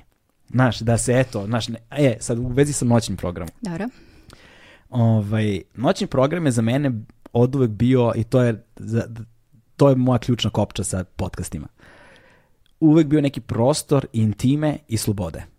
Jer, s jedne strane, ja kada sam odrastao, um, um, nije bilo noćnog televizijskog programa. Ovaj, dakle, bio je bio je, bio je, ono, bili su spotovi na nekim televizijama, Pornići na Palmi, znaš, kao i to je otprilike to od televizijskog programa i svuda bio onaj color bar, jel te, i onaj šum i to je to. Ali radio imao noćni program i noćni program je obično bio kontakt program, u noćnom programu su obično bili frikovi, znaš, i teme su bile nešto što ne možeš da čuješ nigde i slušanje noćnih programa i javljanje noćnih programa, da se sad ti zoveš, znaš, pa ono, pričate gluposti, pa se zajebavate, pa ti imaš utisak kao da smo se mi ne znam kako proveli. Znaš, i, ovaj, i dočekivao sam jutra uz noćne programe te kontakte i slušao te ludake koji se javljaju i frikove koji se javljaju i ljude sa problemima koji se javljaju i zajebavanja koje se dešavala. I kada je to nestalo, ovaj, nekako je za mene duh radija nestao u tom trenutku.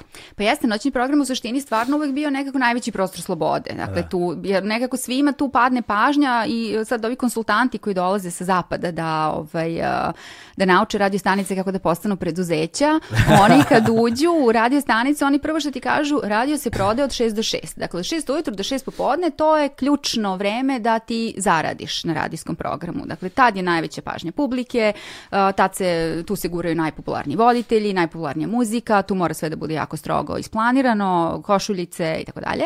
A posle šest već kao malo pada pažnja, tu već ima i manje novca na tržištu za radio, uglavnom sve ide na televiziju, inače ide na televiziju, ali prosto tad počinje taj prime time televizijski i nekako svima padne pažnja u tom večernjem programu i decenijama je zapravo večernji program bio prostor u kome ti možeš da emituješ muziku koju hoćeš, da govoriš jezikom koji ho kojim hoćeš, dakle i da malo ubaciš neki sleng i žargon i da budeš malo provokativniji, šta god, šta god da. a, ako je recimo stanica nekako kao strogo programirana, a onda a, od 10 ili od ponoći onda kreće totalna zabava. Da, anarhija. I, bukvalno. E sad recimo 202 je sve vremeno to dosta dobro prepoznala i a, pokojni Nebojša Spajić koji je bio dugo a, godina glavni odgovorni urednik 202 on je u jednom trenutku napravio taj prilično revolucionaran noćni program za naše prostore i on je praktično, ako se dobro sećam, svakog, svake večeri, uh, odnosno svake noći imao uh, program namenjen uh, jednoj uh, grupi koja je bila uh, ili specifične seksualne orijentacije ili um, recimo imala, uh, imao jedan dan kada su uh, kada je noćni program bio posvećen uh, ljudima koji su zavisnici od ne znam sad raznih stvari. Pa onda ne znam imao je uh, šta je tu bilo uh, u svakom slučaju bili su dakle vrlo uh, za naše pojmove i za naše medije u tom trenutku to je bilo prilično kontroverzno i neverovatno slobodno i jako uzbudljivo da se sluša. Da. To su bili autentični ljudi uh, koji su prosto živeli života o kojima pričaju. Dakle, nije to bio novinar koji istražio kao neku temu pa je sad došao da nam o tome ispriča, nego su to bili ljudi koji zaista žive taj život i to je nekako, čini mi se, e, u tom trenutku živelo noćni program. S druge strane, da, noćni program je potpuno nestao s naših e, radio stanica zato što vlasnici vide da tu ne mogu mnogo da zarade, a, mo, a imaš neki trošak, znaš, nešto da. tu sad ti radi nešto, mora neki tonac, mora neka muzika, nešto tu dešava i to se kao stanicama uglavnom ne isplati, moraš platiš neki honorar, što je velika šteta zato što su noćni program jako dugo bili poligon da ti zapravo vežbaš ljude, oslobađaš ih, daješ im neki prostor da osete svoje limite, da da isprobaju da, svoje neke da. kreativne kapacitete i tako dalje.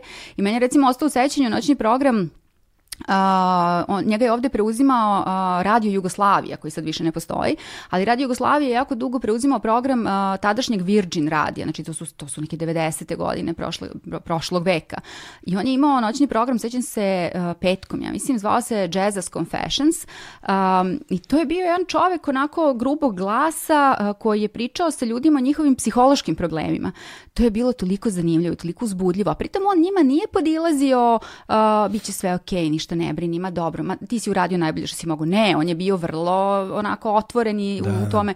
Meni je jako žao što recimo taj program nigde više ne može da se nađe, čak ni u delićima. Ma ne, ne, to da, bukvalno postoji na Wikipediji, ja mislim neki neka mala kao referenca, ono nota da je to postojalo, ali Jazz's Confessions meni je to bilo nešto najgenijalnije. I žao mi je što recimo nikad kod nas ta vrsta programa um, uh, nije, čini mi se, uh, zaživela na taj način, ali uh, noćni program je apsolutno jedan uh, vrlo ima vrlo poseban a, kapacitet i vrlo poseban potencijal i recimo meni je super što a, vidim studenti poslednje dve, tri godine kako rade taj svoj mali Flux radio se zove taj njihov projekat desetodnevni, prvi put su pre tri godine uh, izrazili želju da rade noćni program. Dakle, pre toga je bio dogovor radi se od 10 do 10 Da, kao, da, i to da. je to. Ne, insistirali su da rade noćni program i uh, zapravo se u tim segmentima uh, dešavalo, m, dešavale su se nevjerojatne stvari. Dakle, nevjerojatne stvari su radili.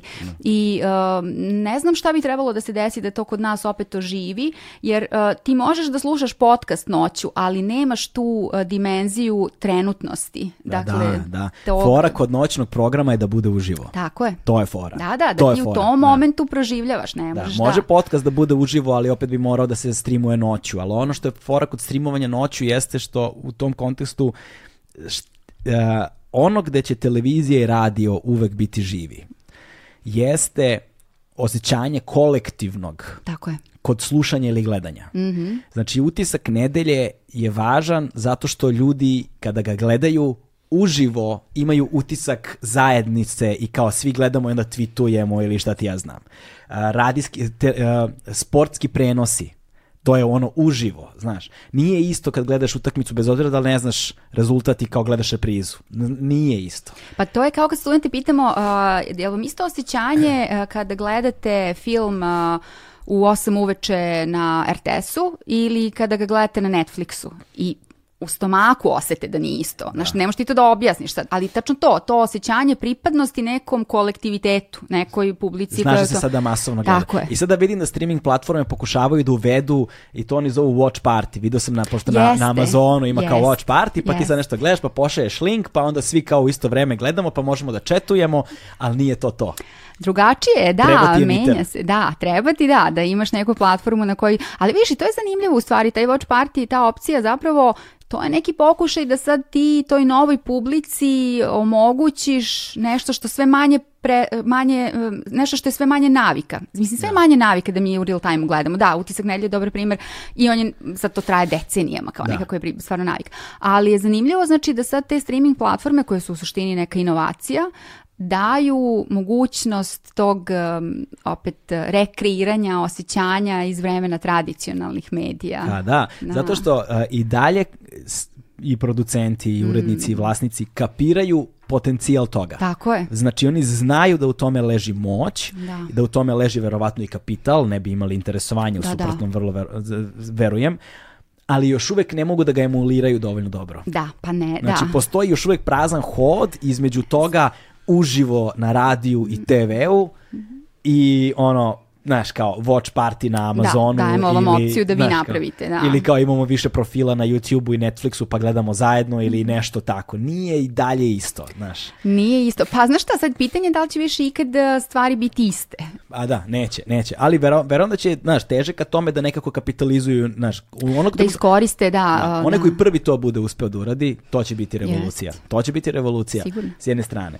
S druge strane, sad da se vratimo, noćni program Mhm. je za mene radijski od uvek bio, uh, s jedne strane je odudarao od onoga što je bilo standardno ono, ophođene ponašanje, maniri, poruke koje su se nosile i nekako je noćni program držao ruku na pulsu ovaj, nas koji se nismo osjećali baš da pripadamo na, na naš i s druge strane bio je ru, držao ruku na pulsu progresivne kulture. Znaš. Uvek si najbolju i najprogresivniju muziku čuješ u noćnom programu. Jeste. Ovaj, uvek najveće frikove čuješ u noćnom programu. Znaš. I sadržaj koji dobiješ tada, to je nešto, a ono što je meni ostalo, a, i sad i, ta, i, ta, i taj, taj važnost te anonimnosti, znaš, između ostalog i voditelja, i voditeljke voditelj, ili voditelja u množini, ovaj, ali i slušalaca onih koji se javljaju, što opet danas nemaš, jer danas kad zoveš s mobilnog telefona, sad već znamo ko si, znaš, on čim zvoni znamo te.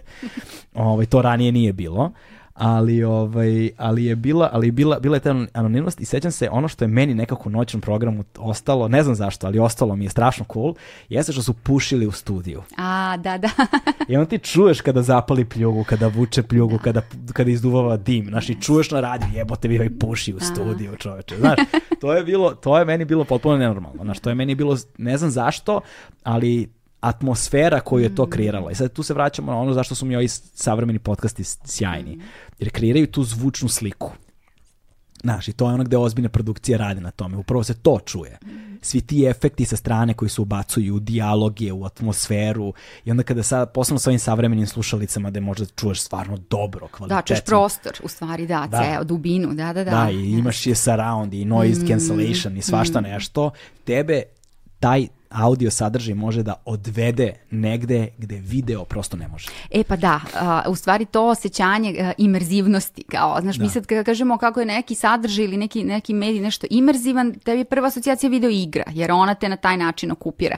Ali zanimljivo kad sa studentima radimo vežbe, pa onda uh, baš to, nekako pokušamo da im zvukom okupiramo sva čula, da. to zaista može, samo što to zahteva, um, da. da dakle da se ozbiljno pozabaviš time, ali ono što je važno je da to može i mislim da je strašno važno u stvari uh, nekako um, uh, ne zaboravljati taj potencijal audija, zato što nas recimo od prve godine na fakultetu uče da je radio uh, slep medij i da je radio jedan uh, background medij koji ti tako pozorni slušaš dok radiš nešto drugo, a u stvari radio ima kapacitet da bude, i recimo podcast to pokazuje, ti njega ne možeš usput da slušaš, ti njega moraš da slušaš sa punom pažnjom, jer ako... Zavisi koji.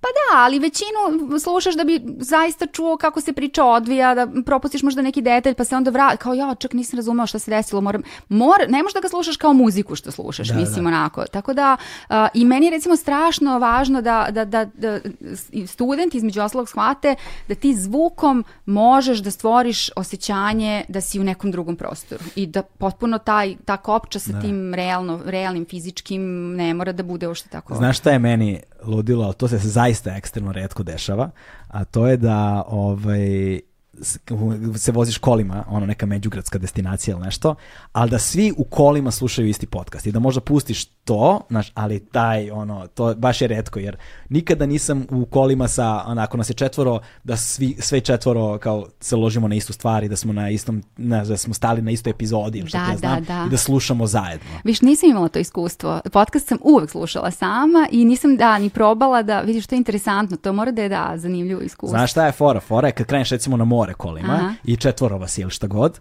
ovaj, i onda izabereš neki, ono, true crime ili nešto, mm koji kao ćete premijerno da slušate od prve epizode da, da. i krenete na more i pustite prvu epizodu i slušate.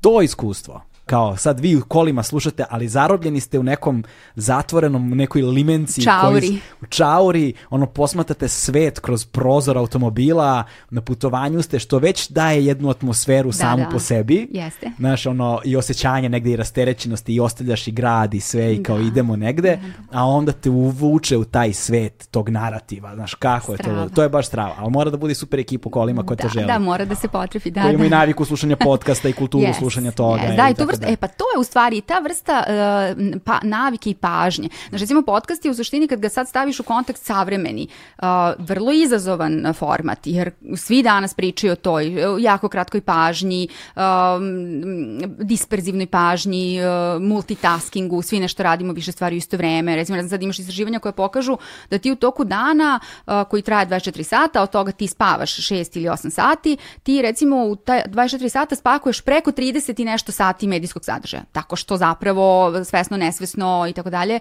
upijaš, gledaš, slušaš i, da, i tako dalje. I sad u stvari podcast tebe u tako jako ubrzanom multimedijalnom svetu vraća u jedan ne. mod u kome ti moraš to da radiš i da bi zaista uživao u tom sadržaju moraš da odvojiš minimum pola sata, a i po 45 minuta po epizodi. I više. Do, i više da da pošto mislim ako binđuješ a, a i to je onako popriličan a, poprilična vežba za ovog današnjeg ubrzanog savremenog čoveka čini mi se. Na, i ono što je ključna razlika sada tu u odnosu na video jeste mobilnost E, pa da. Za video ne možeš da budeš mobilan. Tako je. I to je prosto tako. Da, da, to je priča od radio, o, još o radio i televiziji. Znaš, radio, da. sećam se, uh, gledaš u istoriju radija, pa kao kad se pojavio radio, onaj mali tranzistor, da ga poneseš sa sobom, ja se sećam ispred zgrade kod bake i dede, svi sede, ono, dede i slušaju preko tranzistora prenos utakmice, kao, da, da, ne možeš da izneseš TV, kao u dvorište, nego ga ili poneseš sa sobom pa slušaš na pecenju. Da, ali je, ali je super u kontekstu zato što uh,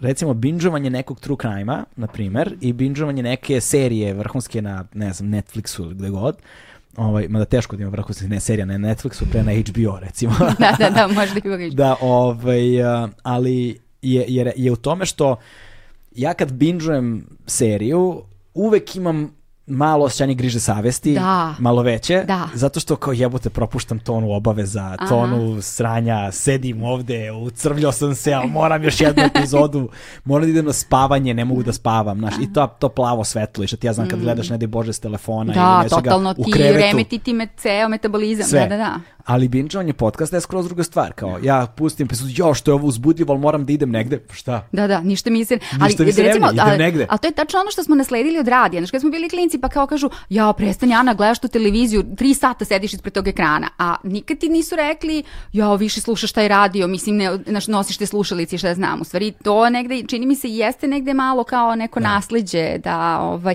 A inače, to zanimljivo što si pomenuo za binđovanje i za grižu savesti. A, studenti su naši radili a, istraživanje, zapravo studentkinja Jovana Radovanović, sad to već ima par godina, za svoju master tezu, baš se bavila binđovanjem i onda je radila istraživanje u kom momentu je ta griža, pa, griža, pa, griža savesti najjača. A, neko, se baš bavio time. da, da, istraživali O, to među studentima. A, posle treće epizode. Znaš, kao, prve tri, to ti je okej, valjda zato što je to valjda trajanje filma i tako dalje. Kao, posle treće, tad si već kao, možda je ovo i popreviše, ali nastavljaš da gledaš. Da, da, Mislim, šta tako ja da, radim da. ovo sa svojim životom? Da, e, to, to, to, to. Znači, treća epizoda je kao game changer, kao tu, tu se nekako Da, lomiš. tu se lomim ono da li kao sam luzer ili idemo dalje u životu. Znaš. A Da, sa da. podcastima mi to recimo nije slučaj. I, ovaj, i baš, me, baš, baš bih voleo da vidim nekoga, da čujem, e sad tu je, to je sad ono, te, tema koja me baš zanima, a, a to ti verovatno mnogo bolje znaš i to me sad zanima i zbog svojih interesovanja za neke buduće projekte. Dakle,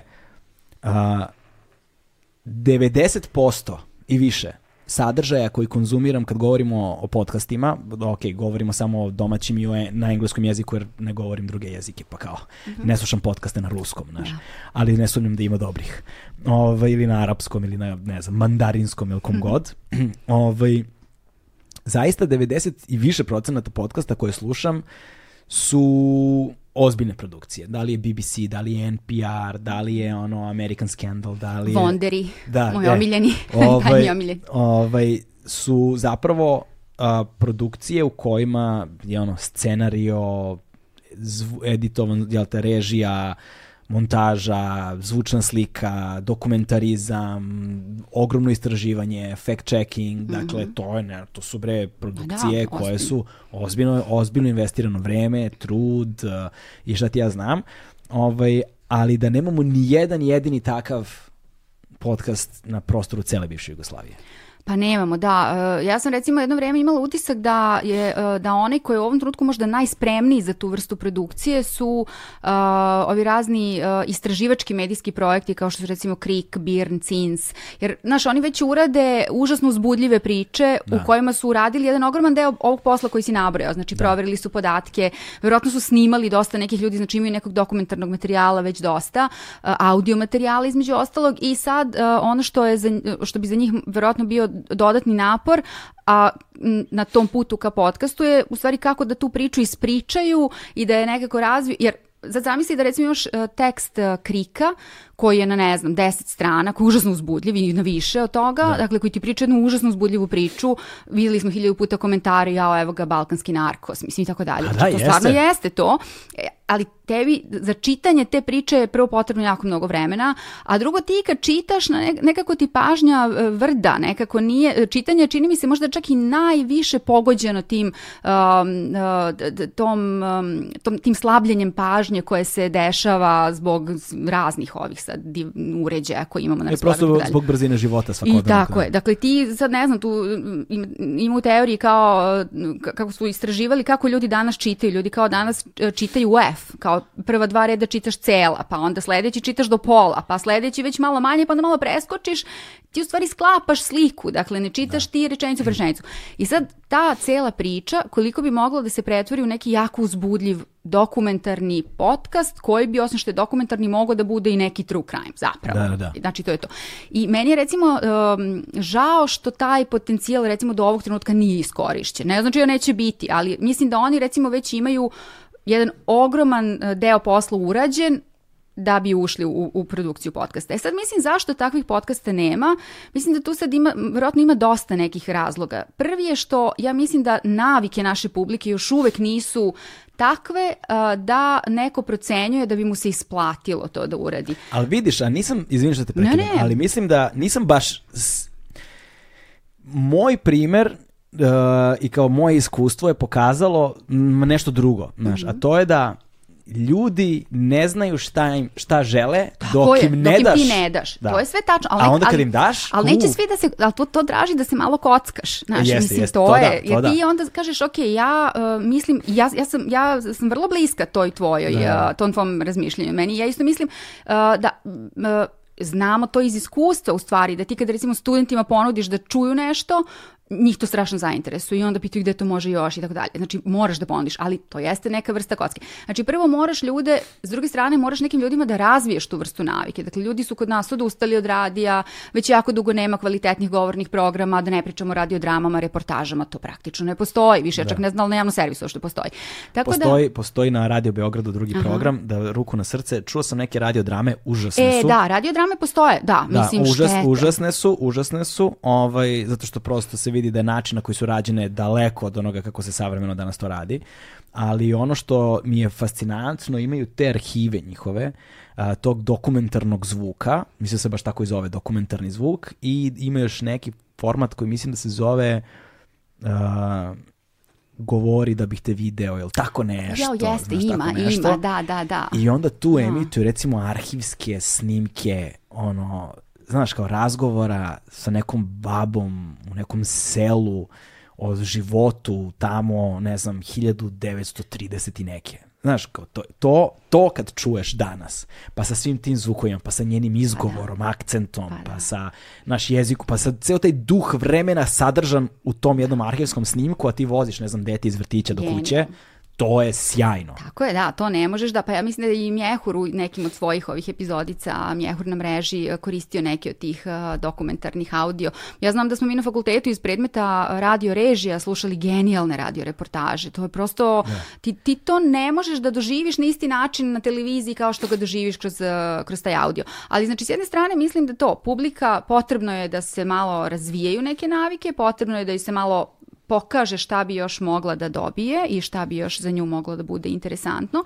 A, a treća stvar je što mislim da ljudi neće lako da ulaze u trošak. Mislim, to je trošak na kraju krajeva. To je nekakav, tebi za to potreba neki budžet. Ti u ovom trenutku pitanje, kao, mada ja koliko znam, a, svaki fond koji finansira a, razne istraživačke medijske projekte će biti vrlo za- zainteresovan da ti svoj sadržaj ponudiš i kroz još jedan kanal. Meni je recimo nejasno zašto to izostaje kao biznis, neka logika. Ako si već uradio, napisao, a, ti kroz podcast u stvari dobijaš dodatni kanal za plasman svog proizvoda. Tako je. Mislim da to nekako ljudi zaboravljaju. A, možda ne moraš celu priču, ali možda možeš e, nadogradnju te priče, možda možeš delić te priče, možda možeš teaser te priče koji će trajati 20 minuta. Mislim, ali a, mislim da što više bude bilo tih a, raznih eksperimenata i ponuda kroz podcast kao kanal, da će tržište brže rasti i da će biti veći podsticaj da se ulazi u nekakve uh, bogatije, ozbiljnije uh, produkcije koje dakle neće biti uh, samo razgovor, iako je potpuno to legitimno, dakle to i dalje najve, najveći deo podcasta koji postoje na planeti. Ali uh, mislim da je potencijal podcasta zapravo mnogo veći i da se on ostvaruje kroz taj uh, dramsko, uh, reportažno, tu kombinaciju fiction i čim Da. ist, i realnog. Dakle, tri, tri vrste podcasta koje meni najviše nedostaju na, na našim jezicima. Prva je, dakle, taj ono uh, dokumentarno Mhm. igrani, uh, ali baš ta kombinacija dokumentarno igranog. Recimo ovaj što sam mi preporuč- preporučila, bingeovao sam nekoliko ovih sezona Business American, Wars. Sca- ne, A, American, American Sca- Scandal, ok. American Scandal. Business Wars još nisam pustio zato što me još uvek ne, ne, ne, zanima mnogo to, znaš, kao Nike versus Adidas i te fore, ono, nije mi baš nešto me ne privlači. Video sam neku o, o, o sukobu kompanija održive mode, pa ću to možda da Jest, poslušam, to, da, da. to mi zvuči zanimljivo. Ovaj, ali, odnosno ne održive mode, nego brze mode, izvinjam se.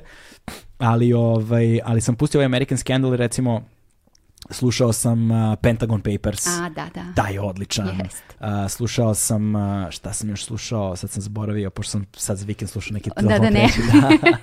ovaj, a, Monika Levinski. E, da, taj je super. Ali recimo si provalio da sad jako mnogo tih podcasta koji su popularni odjednom postanu serije. Znači Da. recimo na HBO ovaj Jeffrey Epstein, Da. a, a, Filthy Rich, ja mislim da se zove, on je zapravo iz podcasta izašao, isto kao i serijal o ovoj uh, Elizabeth Holmes. Uh, Tako je, jeste, jeste. pa jeste, onda da. još nešto je, e, evo što se sad pojavilo, ovo što je radio Ronan Farrow o Harvey Weinsteinu, isto Da, ima da, da. podcast zapravo i ti u stvari vidiš sad Pa odjedanput jeste, evo ti, uh, bio je ovaj true crime, kako se zove, supruga ovog Petona Osvalda što je preminula, što je otkrila serijskog ubicu za kojeg nisu znali, ona ga je otkrila kroz seriju podcasta, pa se sad to, pa se to na HBO serija, posle dokumentarna serija. To ne znam. Dokumentarni serijal. Kako se zove? To sam vam preporučio, Marko, bio je. Sećaš se, gledali ste? Na HBO. Ja, sad ću, sad ću. To bi ne, slušala. Da, da, to da, super. A onda, onda um, ova sada na Netflixu izašla ova što je bila High Society. Uh, Inventing Anna. Inventing Anna. Da, tako, da, Inventing super, da, Anna da, da. je zapravo po podcastu. Je. A jel, to nisam BB znala. BBC Radio 4. Ma nisam to znala. A da, da, U, zove se strava. High Society. High mislim, da, mislim da je Society. High Society ili... Jer vidim da navode kao izvor neki tekst, ali sam, nisam znala da ima i podcast, to ću da Tako je, slušam. da, ima dokumentari podcast, ne znam, Strava. 6, 7, 8 epizoda, Ma, baš o njoj, to. Genijalno. I onda ti podcasti, oni ih toliko dobro urade da zapravo ti imaš jednu gotovu platformu. Bukvalno, šteta ti je da to ne iskoristiš, da, da, da. Mislim, da, i to je posle samo kao Ikea, samo E, puzle. bukvalno, samo složiš. A ja sam čak recimo provalila, pošto je meni ta cijela priča o Jeffrey Epsteinu užasno bila interesantna i taj podcast me potpuno sludeo kad sam ga slušala i sad slušam i ovaj... Um, ovoj uh, uh, Ghislaine Maxwell i sad to sad hiljadu nekih streamova ima cijele te priče, ali recimo kad sam posle slušanja podcasta odgledala na HBO-u taj dokumentarac, Mhm. Nije me izvozao kao ovaj podcast, moram da kažem. Da. Nekako mi audio podcast me, uh, mi je, užasnija mi je bila ta njegova slika. I to je u stvari, čini mi se, možda dokaz. Možda sam ja prosto takva, takav sluš, takva publika. Možda nisu svi isti kao ja, naravno, nisu. Ali uh, meni je recimo to pokazalo da ti kroz audio možeš taj emotivni impakt na, na, na slušalca napraviš veći nego kroz video. Znaš čemu je fora? Razmišljao sam puno o tome. Hmm. Aha. Ovaj, um, zato što je interaktivnije. Mm. Interaktivnije je u kontekstu kada slušaš sadržaj, nalazimo se na pola puta. Da, da. Kada mi prezentuješ video sadržaj, daješ mi na gotovo. Jeste, pa da, to je stara ona priča vrući hladni mediji. Da, da, ne, da. ne ostavljaš mi prostora da sam zamislim stvari. Tako je, da. Znaš, da se sam ono, i onda kada razgovaram sa nekime ko je, na primjer, slušao istu stvar, onda vidim da imamo razilaženja u načinu na koji smo kapirali, doživjeli ili vizualizovali ljudi. I onda ja često imam posle tih nekih podcasta, na primjer, googlam da vidim kako izgledaju kako su izgledali. Isto, isto, isto, isto. Evo sad skoro sam slušala neki podcast, um, ima taj super popularni uh, serijal koji se zove Dr. Death uh, uh, i on sad, on je prvo počeo pričom o jednom lekaru, Da, da. užasno veliki uspeh napravio globalno i oni su ga preveli na 4-5 jezika, znači ti sad imaš uh, doktor Muerte, doktor, ne znam, i sad i na francuskom i, na, i tako dalje. I sad je već bila neka treća, četvrta sezona, opet o nekom lekaru koji je nešto tu uh, prevario neke žene i tako dalje. Užasno zbudljiva priča. Ja počeo sam da slušam prvu epizodu, ali meni je mnogo baš uhvatilo. Da, te, jel da, viš mene to. Ja volim te tabloidne. Ne- Ja mislim da moj, moj taj, moja ta sklonost ka tabloidnom izbija u podcastu. Da, Znaš, da, da, ne, da. ne, vuku, ne vuku me novina, ali podcast kad znam da je neki ono, crna hronika ili neka tako trač eh, varijanta, to mi je jako zbudljivo. I onda kad se završila, pošto on u cijeli toj, eh, u cijelom tom serijalu, eh, u- odnosno u toj, toj sezoni je eh, predstavljen kao jedan strašno zgodan, uzbudljiv, eh, zavodljiv lekar, čim sam završila kao čim kako izgledao. Pa bez veze, kao, nije neki frajer, kao, mislim, baš mi je bilo čudno, kao kako je moguće, ali, ove, ali to je to, da ti kad slušaš ti potpuno nekako drugačije sve to. To je, sad, to je, to je ono što ti audio da, a što, na primjer, književnost ne sme da ti da, Tako a je, što video ne može da ti da. Jer uh, zavodljiv, ka, kažeš, na primjer, na primjer na, recimo, ne znam, ono, u, u, u, romanu kažeš i, išao je čovek neobičnog izgleda. I evo nas je ovde, jel te, četvoro u prostoriji. Marko, šta je za tebe neobičan čovek? Sad ćeš mi ti reći nešto. Šta je za tebe neobičan čovek? Mm. Šta je za Vojasa neobičan čovek? Ili za mene i bit ćemo četiri različita neobična čoveka. Nije baš dozvoljeno. Moraš da daš precizan opis, pa da mi iz opisa zaključimo da je taj čovek neobičan. A, kada daš plastično vizuelno, onda je to zacementirano, neko može, nekome ne mora da bude. ovaj, ali u audiju, kad kaže, možeš da, dozvoljeno je, znaš, bio je, ne znam, zavodljiv ili lep. I sada ti ćeš zamisliš nekog lepog muškarca na jedan način i to je potpuno legitimno. Jeste, jeste. Ja ću ga zamisliti na neki drugi način i to je potpuno legitimno. I mi idemo sa idejom da je on lep. A sad što nam se ne poklapaju ide, ide, ideali lepote, Lepote, da, tačno, nije, tačno. nije važno. Pa da, pa Efekat je, je postignut. Domaći brend garderobe Legend Worldwide je prijatelj Agelast podcasta na audio platformama. Jes, a viš što si baš super napravio, da je stalno bila ta priča, gdje recimo ti kad čitaš e, roman Ana Karenjina, uh, u njemu je Ana Karenjina opisana kao lepa, ali ima uh, nausnice, uh, ima kao male crne, to se kaže u romanu inače, Da. i sad ko je čitao roman, on je nju zamislio kao tako, kao ima male brkove, Da. a ne postoji Ana Karenjina u nijednom filmu koji ima neke male brkove, mislim Da, da, između da. ostalog, tako da da, mislim sad to, malo mi to palo na pamet možda, nema toliko veze, Pa ne, ima, zato što te predstave koje dobijamo, um, teško je pronići zapravo u suštinu, zato što mislim da audio format ostavlja prostor za misteriju. da. Ostavlja prostor za mistifikaciju i kapitalizuje na tom mističnom. Kapitalizuje na mistifikaciji. Zato je true crime tako uspešan. Zato što true crime zapravo prenosi duh onoga što je, ne znam, krajem 19. početkom 20. veka bio detektivski roman. Znaš, u velikoj meri. Dakle, a, a, kao, ono, ne znam sad, od, od, od, od Holmesa do Agate Christie do ne znam sad kao šta je sve, čega sve tu ima, ovaj, pošto je to bio medij tog vremena, danas je to podcast. Zato što ti sad u podcastu možeš da imaš ono što ranije u radijskom programu nije moglo da postoji prosto zbog produkcijskih zahteva i zbog platformi za slušanje. Dakle, ti, nis, ti si imao ili dokumentarno ili igrano, ali nisi imao kombinaciju dokumentarno i igranog. Da, tačno. Znaš, ja se ne sećam barem da je u rad, na radiju postojala ta kombinacija dokumentarno igranog. Možda su bili, siguran sam da su bili nekakvi eksperimenti i pokušaji, ali da to nije bilo masovno na nivou na kojem je danas. Pa da, naročito ne na našem tržištu, mi sa time stvarno ne Pa na mogu našem sad da tržištu ne setim mogu to. uopšte. Nema ništa, da. Ni jedno ni drugo, to, Da, ne znaš. mogu da se setim, stvarno čak ni ranije da je toga bilo, sad možda bi nas neko, demantovao, ali neko ko sad stvarno se bavio to. I ali... onda me vode kroz stvarne događaje, Mhm.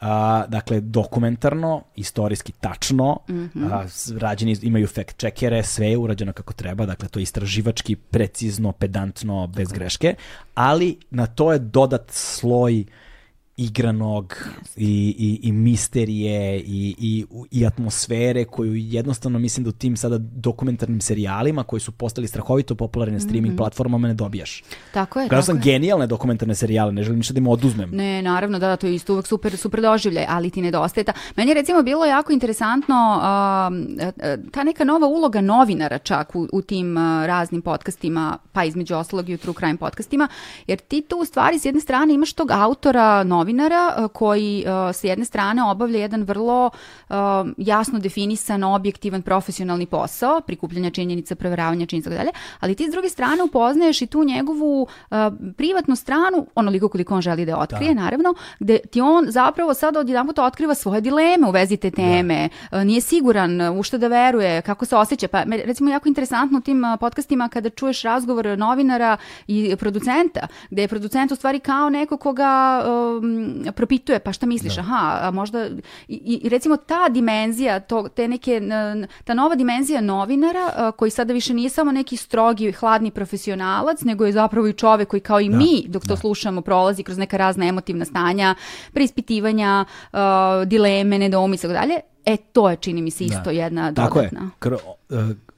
Autor postaje prizma kroz koju ti se prelama priča. Pa da. I, i imaš elemente subjektivnog, doživljajnog, gde kao prenositi, jo, naš, malo nije mi baš sve jedno što se nalazim ovde, malo, E, znaš, to, malo da. mi je i hladno i ne znam, mračna prostorija i ko zna šta ovi ljudi hoće od mene.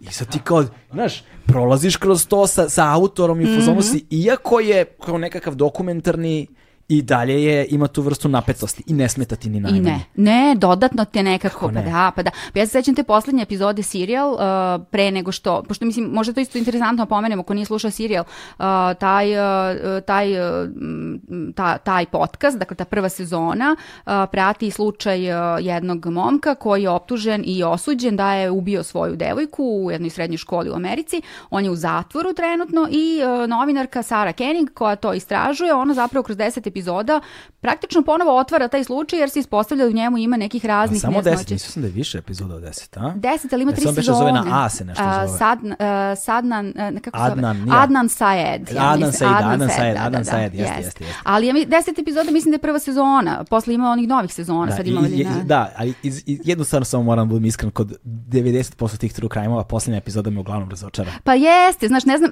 e to je nekako, znaš, zato što kad imaš fiction, oni ga naprave da te ne razočara. Da, da, da, da, da, da. Znaš, ovde A stvarnost je stvarnost. Stvarnost je stvarnost, da. Ali recimo zanimljiva ta poslednja epizoda u kojoj sad ona posle svih tih posloženih nekih novih činjenica, otvorenih razgovora, detektiva ovog onog, ona zapravo uh, sa tobom razgovara kao slušalcem i ti shvataš da ni ona nije sigurna šta Tako je istina. I sad, uh, ok, završio se taj serijal, oni su inače ponovo posle otvorili slučaj i ponovo su ga, ja mislim, osudili i tako dalje. U tom smislu je čak serijal pokazao tu neku moć, uh, kao da se preli u stvarni život neki njegov efekat, ali ta poslednja epizoda i vidiš što je baš zanimljivo, si rekao, ja sam isto tad pomislila, a daj čoveče, ne bi se nas ostaviš što kao ne znam, nemoguće ti ne znaš posle svega toga, pošto mi zaista ne znamo, do Tako kraja ostane otvoreno, ali eto, da, to Da, je isto dobio zapravo doživotnu robiju Jest, i, jest. i, i sve vreme komunicira sa njime iz zatvora. Tako on iz zatvora je. komunicira sa Tako njome. je, da, preko telefona, Tako da, da, da, I ona jeste. ponovo ulazi u istraživanje njegovog slučaja, a on je u tom trenutku već ne znam koliko godina u zatvoru. Da, da, da, već deseta godine on tamo, da, i nekako, eto, kao priča o tome, mislim, onako, da, baš te ta priča pomeri na mnogo nivoa, ali dobro, to je sad već bilo davno, kao među E, vidiš, ja sam pre, ne- pre nego što, dakle, za ovo snimanje, Mhm. kao a, mala priprema koju ranije nisam radio, sinoć sam na, na svom Instagramu Mhm. A, ovaj, postavio pitanja ljudima, ljud- baš, baš me zanimalo da vidim, sada Aha. naravno to s moje, s obzirom da na mom Instagramu ne može da bude objektivno nikako, jer opet je negde moja publika, Da, da. ali sam postavio ljudima dva pitanja. Prvo je bilo a, kada ste počeli da slušate podcaste Aha. i koji vam je bio prvi, jel te? Ovaj, I drugo je pitanje bilo navedite tri podcasta koje najčešće slušate. I? I ovaj, sad naravno neću ovaj, pominjati ove što govore da, da je moj podcast, prosto, prosto da su moji pratioci, Mhm. Da, da, pa da, da, da. nema nikakvog smisla. Ali ovaj, od domaćih podcasta to su uglavnom Minićevo pojačalo, Newsnet i Daško i Mlađa. Mhm. Aha, najčešće, super. najčešće. Od stranih podcasta to je najčešće Joe Rogan. A, Mhm. šta sam još vidio? Joe Rogan. Mhm, mhm, mhm.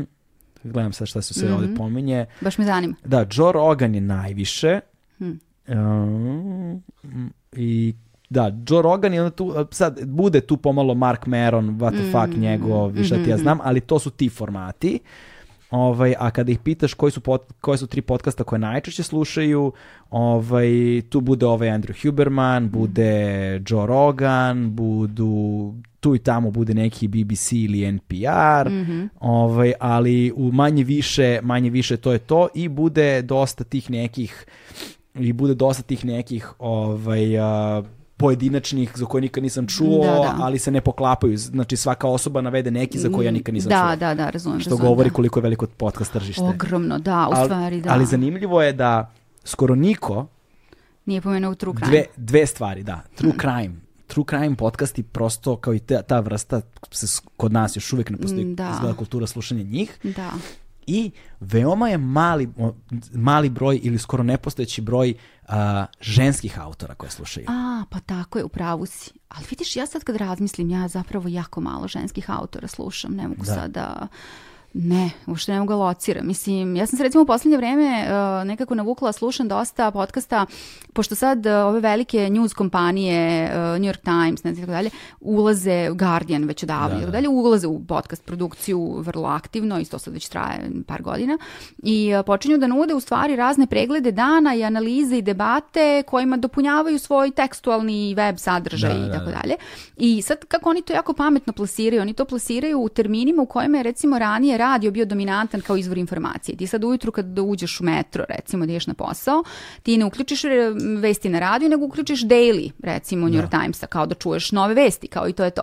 I uh, sad mi je to recimo interesantno da, da slušam, zato što mi je inter... zanimljiva mi je ta produkcija koja kombinuje te razne žanrove i formate uh, news programa sa radija i pravi sad neke nove celine gdje ti sad imaš malo vesti, imaš malo analizu i, i tako dalje, ali recimo čini mi se da i to možda neki prostor na našem, uh, na našem tržištu koji nije iskorišćen. Evo primjera, Mhm. evo primjera. To sam, teo, to sam teo da otvorim kao temu. Tri stvari u, na podcast tržištu koje meni najviše nedostaju ovde. Prvo smo pomenuli, to su ovi kao true crime, Mhm. crime. eh, dokumentarno, istraživačko-reportažni podcasti koji su zapravo produkcijski najzahtevniji. Tako to je. je. ono, to je Da, to je baš vrhunac. to je mislim, high end jeste, u zapravo, to je vrhunac podcasta. Jeste. Ovaj, to, to mi nedostaje, taj nema ni jedan. Mhm. A, druga stvar koja mi nedostaje jeste ono što se u Sjedinjim američkim drž- državama i u zapadnom svetu generalno zove daily news. E, tako je. Daily news, dakle, nedostaje mi da postoje audio vesti u tom kontekstu, ali da mi post, ali ne samo da mi neko iščitava vesti ko što slušam, ne znam, servis, servisne informacije, nego da mi daje kontekste za te vesti. To, To pa mi da. fali. Ili, na primjer, šta sad sve ove od, ne znam, N1 do RTS-a, Znači imate kao u vestima segment dva minuta Mhm. nečemu, ali na kraju segmenta da kažete ukoliko vas više zanima na ovu temu na našoj platformi poslušajte dva i po sata analize sa stručnjacima. Apsolutno, da. I to je ono, koliko ljudi, koliko bi to moglo, pa sad ne znam, dok se ne razvija kultura slušanja, ali kada bi se razvila kultura slušanja, koliko bi to moglo da promeni situaciju, na primjer, sa referendumom koji smo Ma imali. neviđeno. Pa ne, ljudi ne shvataju. Ja, se recimo sećam uh, kad, kad je u pitanju news uh, 90-ih godina, ja sam stalno 90 ove, ali, Pa, ali dobro. one jesu stvarno Te- nekako... ta smo generacija. Ta smo generacija, što da radimo. Ove, ali one su zaista, čini mi se, neverovatan izvor lekcija koje danas možemo da iskoristimo.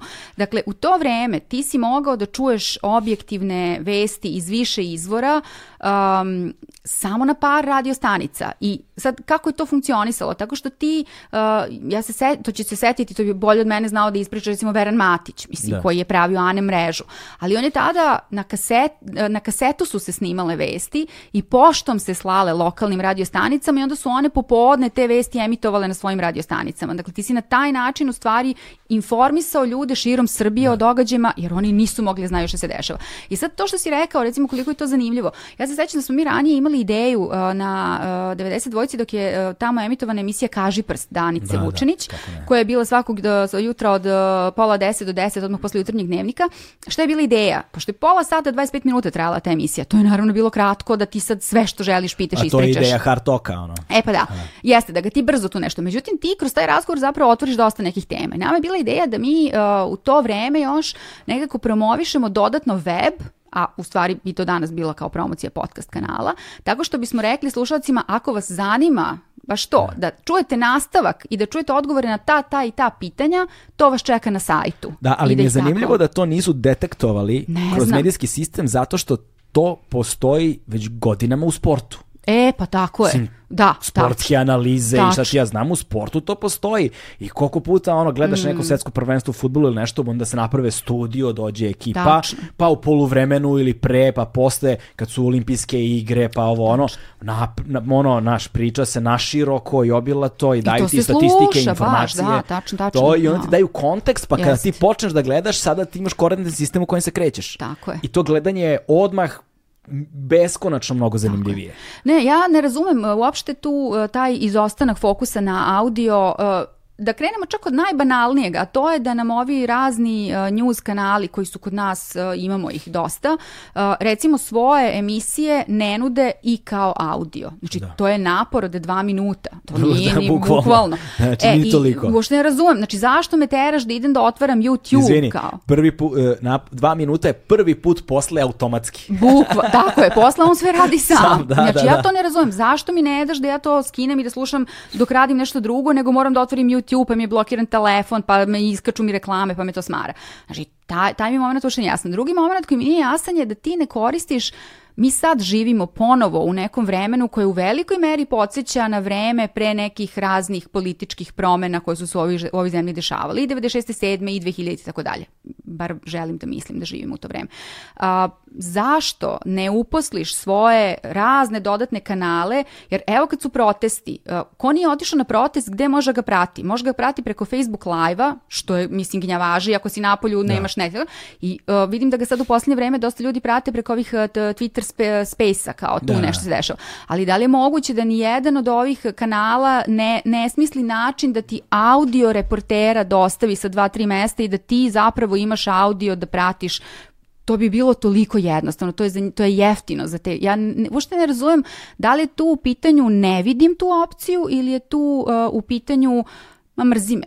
Šta sada se ne razumem, jer Da. to bi za nas kao publiku bilo dragoceno. Ja znam koliko je ljudima uh, bilo važno da znaju šta se dešava u Beogradu. Dakle, ljudima koji su recimo živeli na Novom Beogradu ili u Železniku ili ne znam gde sad uh, na obodima grada, nisu dolazili u centar grada da vide proteste, ali su znali da postoje neke dve radiostanice na kojima će moći sve da čuju. Pa da. E pa danas meni nije jasno kako neko ne prepozna važnost da pošalje te vrste u realnom vremenu sadržaja jer tebi audio to stvarno omogućava. Da. Evo, na primjer, sada nam se približavaju izbori, jel te? I stvar koju sam ja od uvek žela da znam, vidiš, što bismo mogli da napravimo epizodu, recimo o tome. Mm. Znači, zanima me kada po kom sistemu je glasanje napravljeno. Znači, mm -hmm. to mhm. glasanje ima neko svoje ime, prezime, verovatno sistem taj, mm -hmm. koga je izmislio, koje godine, verovatno negde početkom 20. veka, nemam pojma, mm -hmm. da li su Francuzi ili ko, šta znači, koji oblici glasanja mogu da postoje, da, da. zašto je baš taj oblik glasanja usvojen kod da, nas. Da, da, šta je prednost, šta mu je mana. Šta je prednost, šta yes. je mana, sistemski, yes.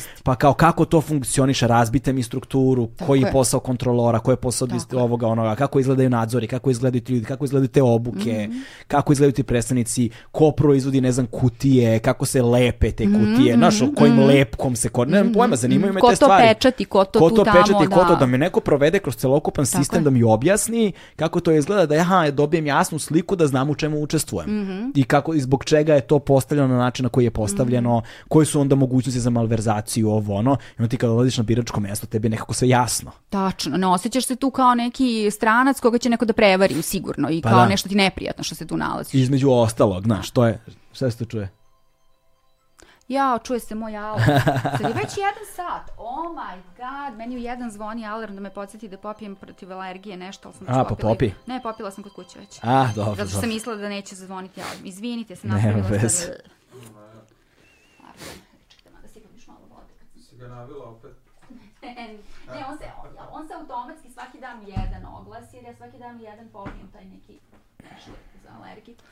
Ja, čovječ, uništiše mi te alergije. Ček, samo si pa malo vate. Sipe, samo napred. Hoćeš ti malo ove gazirane? Ne, ne, hvala. Pokušavam da pijem što manje gaziranu vodu kad snijem, zato što, zato što podrigujem.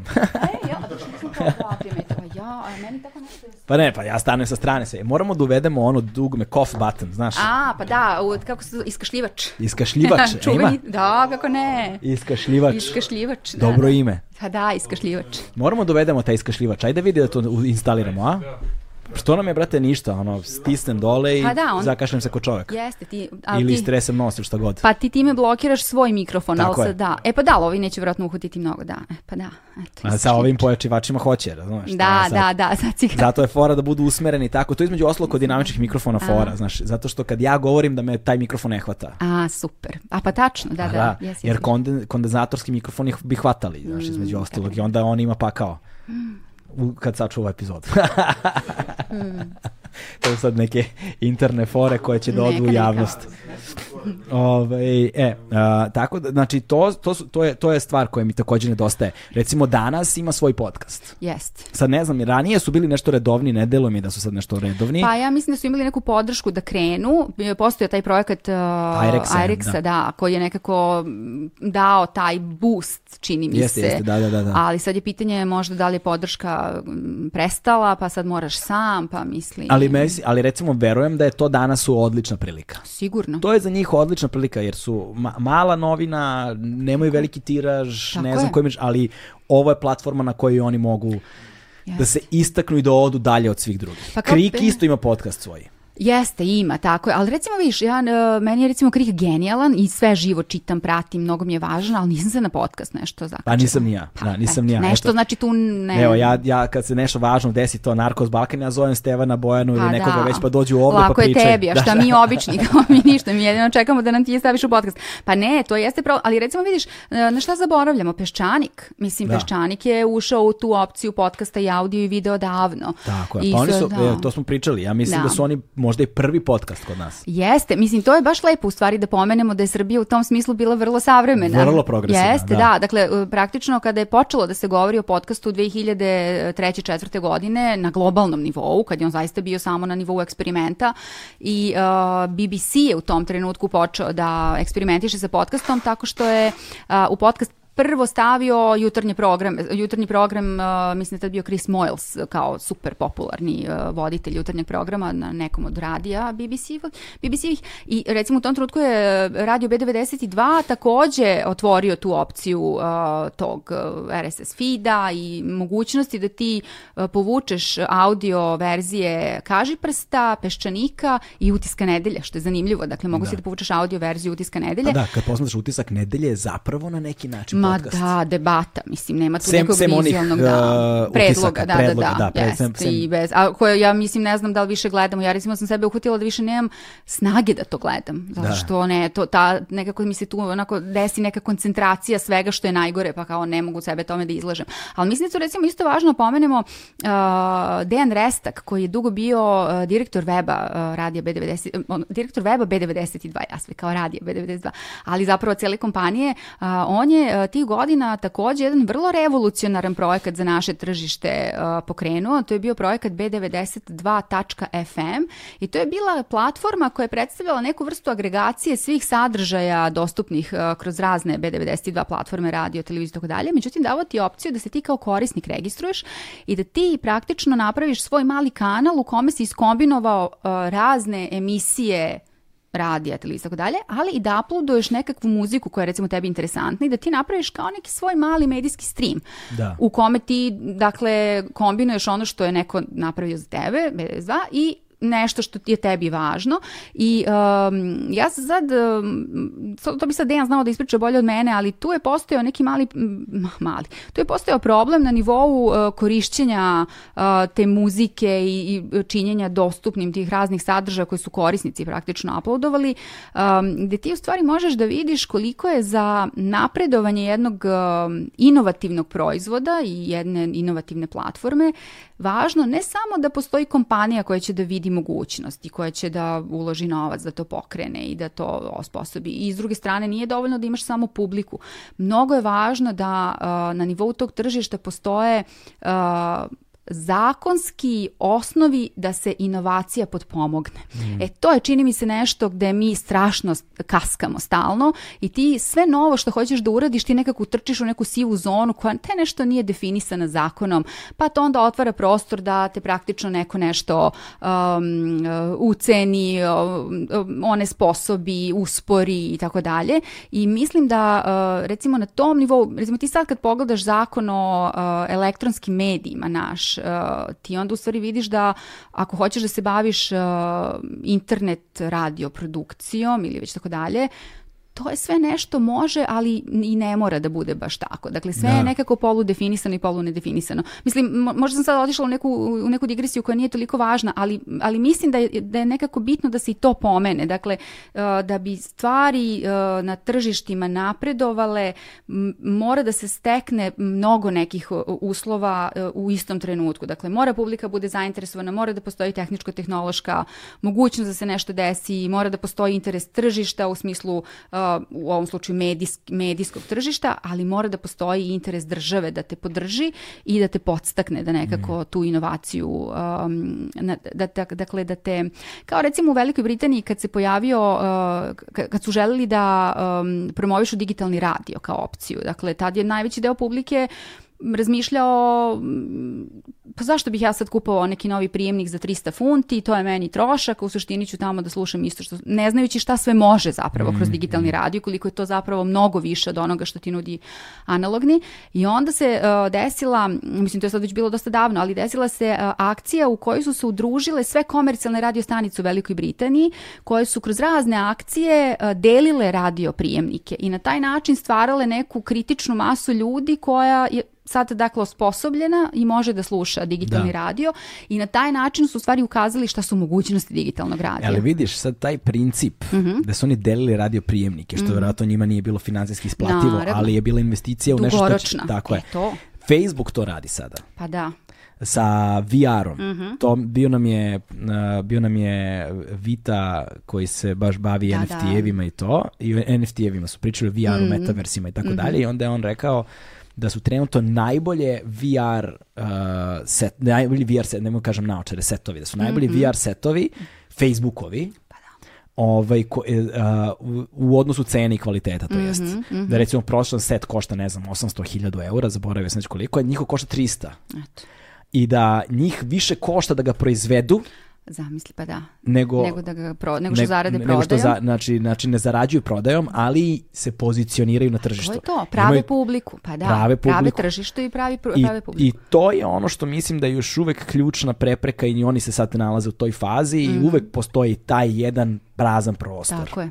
prostor od kada nastane ideja do trenutka kada ta ideja zapravo možda bude realizovana. To je ono što nazivamo user experience. Da, da. Dakle, mi kao krajnji korisnici, nama, uh, dakle, svi ljudi koji su recimo bavili digitalnim radijom, online radijom svojevremeno, pozdrav za ekipu, znate vi ko ste, koji su se bavili tim online radijima i koji su se bavili RSS feedovima svojevremeno kroz forume i tako dalje, u svim tim ranim fazama negde od 2000. do 2014. na primer, uh, njih možemo da nazovemo entuzijastima. Mm -hmm. To su entuzijasti. To su radio entuzijasti. I takozvani early adopteri. Tako je, da, da, tako je. Dakle, publika su early adopteri, a ovi koji su se bavili su radio entuzijasti. Dakle, to, su, to je uvek i u, u, u istoriji civilizacije mala, mala, mali, mali broj ljudi.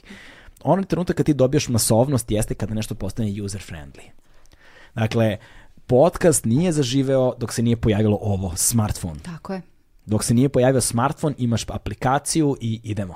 I tebi kao korisniku je ono dva klika u najgorem slučaju, najčešće samo jedan. Mm -hmm. I to je to. Dostupno ti je lako, jednostavno, brzo. Ne plašite upotreba, nemaš otpor prema Ništa. tome. Tako Samo ti je, to ti je već tu u ruci, produžetak ono tvoje ruke i tvog života tako i je. tu je dostupno kad god, na bilo koji način idemo. Dok se to nije pojavilo, nije moglo da se desi mas, ma, omasovljenje podcasta. I to ono što je, govorim za, zapravo stalno podcasterima.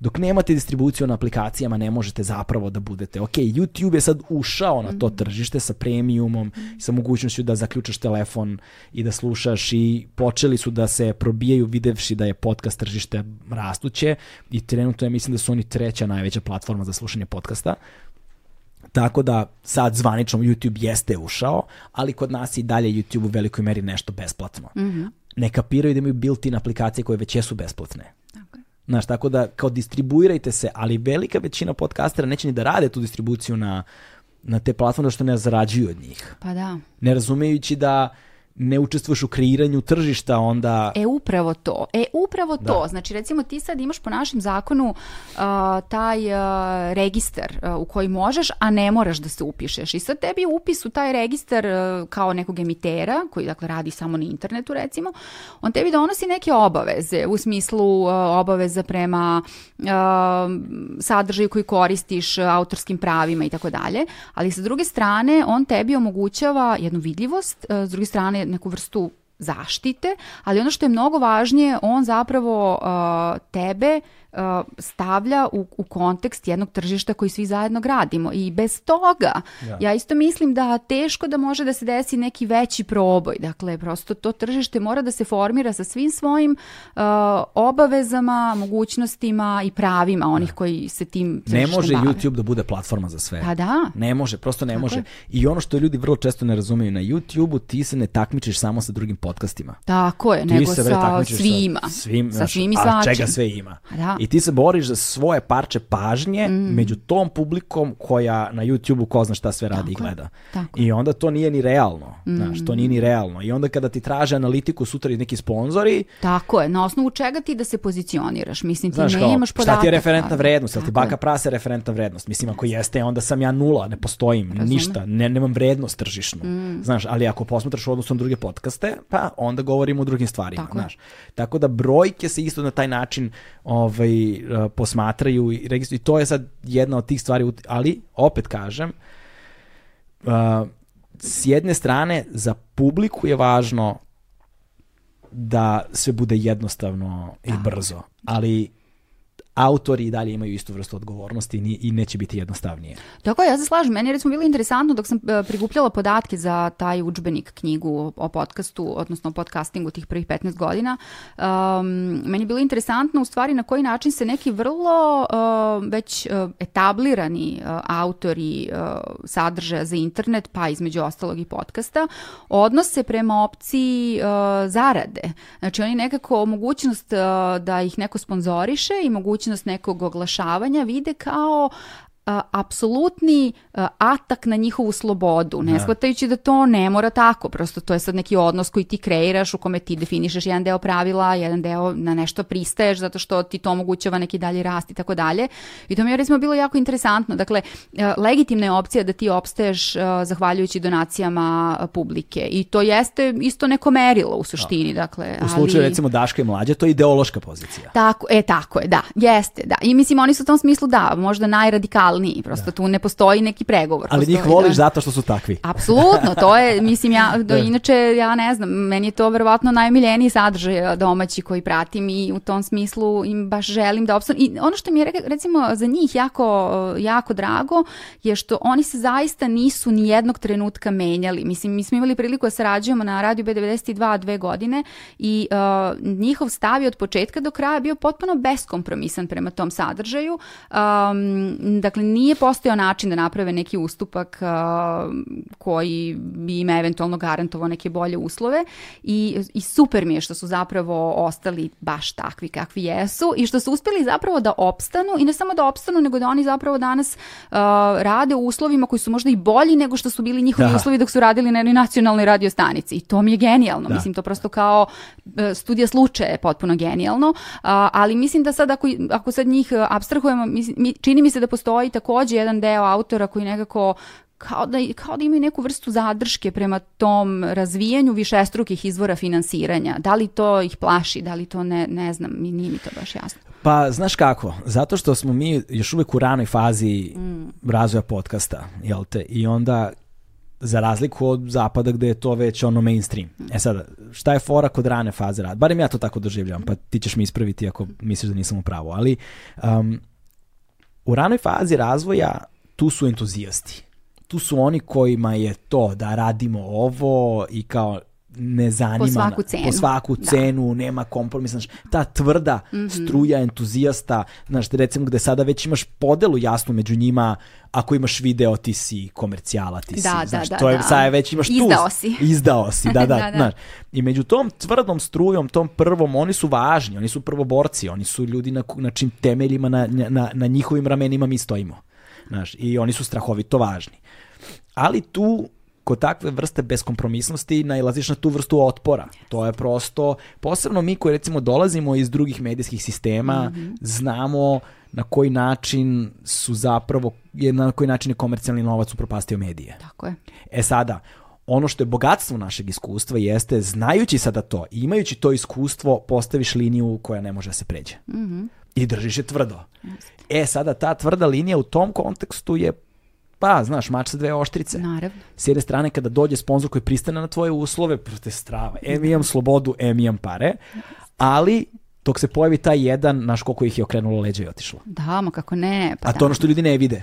Tako je, tako Znaš, je. to je ono što da, ljudi da. ne vide, ali opet se nalaziš u jednom otvorenom prostoru u kome još uvijek nisu postavljeni nikakvi industrijski standardi, pa onda ni klijenti ne znaju kako da stretiraju to tvoje. Znaš, oni bi da uđu, ali ni sad njima nije baš jasno, pa bi onda oni da preslikaju mehanizme i alate iz tradicionalnih medija, a on ti kaže, sekunde kad se to desi, podcast i sloboda koju Tako. nudi umire.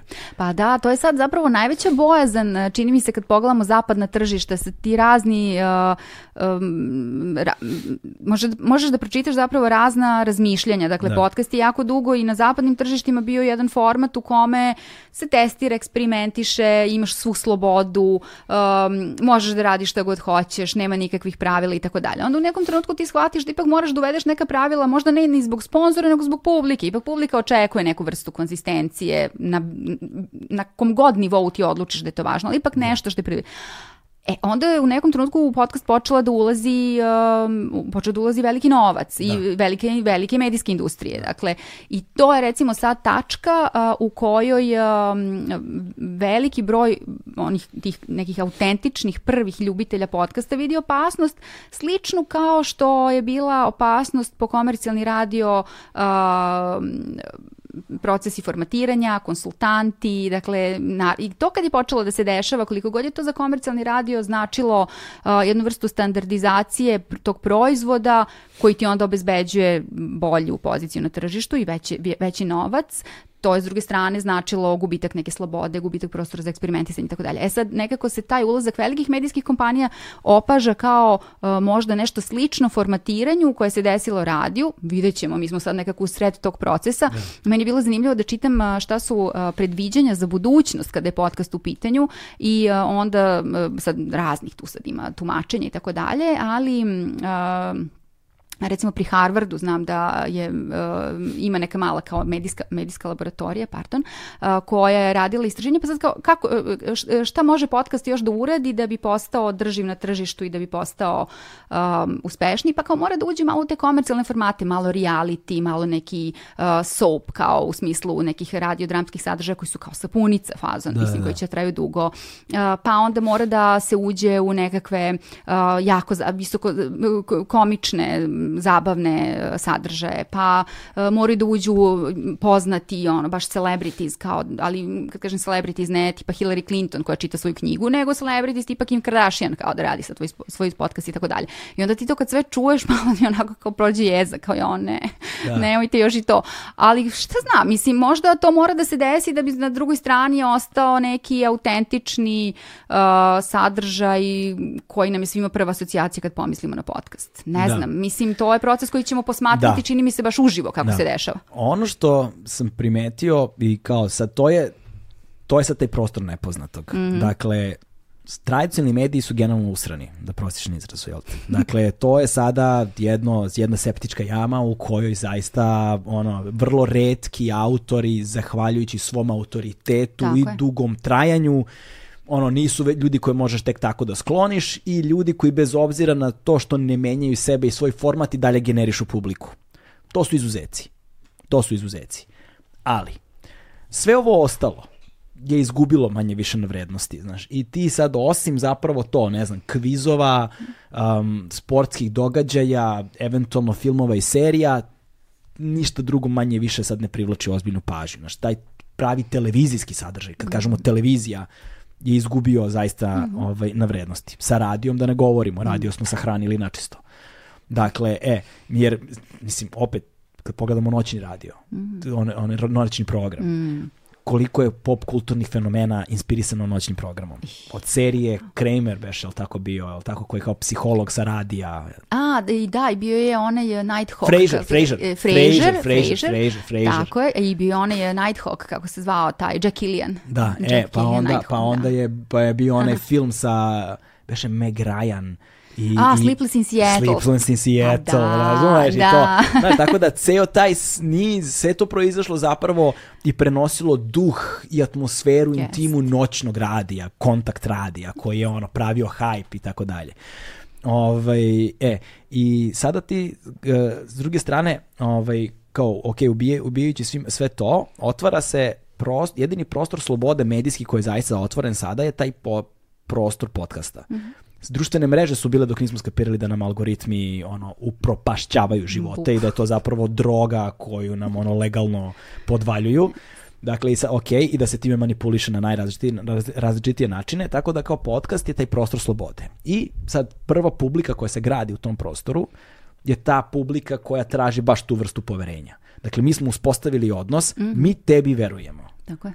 I sad, ako nas zajebeš, odosmo. Znači, yes. i, i sad tu imaš odnos nagrade i kazne. Mm -hmm, mm -hmm. Koji ono, ako te vole, Brate, Obožavaju te to je, sve. To je die hard. Da, to je ono, da. seku se, ti si im ono, držete ko tita na zidu, znaš. jeste, jeste, da, da, da. Ali ako ih zajebeš, gotov si. Da, onda je to stvarno kraj. Ali što je zanimljivo, recimo, ja se sećam ranije kad smo pričali o toj, um, o toj izgradnji lojalnosti publike za radio i za televiziju, pa se to nekako upoređivalo. Da. I sad ti, recimo, ako si bio lojal, lojalna publika neke radio stanice, ta radio stanica je morala praktično da promeni format, u smislu recimo da uh, ako je emitovala jednu vrstu muzike, mora da, da počne da emituje drugu vrstu muzike da bi ti odustao. Dakle, ti toliko voliš tu radio stanicu, da. da ona toliko puta mora da te izneveri da ćeš ti tek tada da Tako kao je. kažeš, e, ja više ne, i više se nikad ne vraćaš da. na nju. Dakle, da. završio se.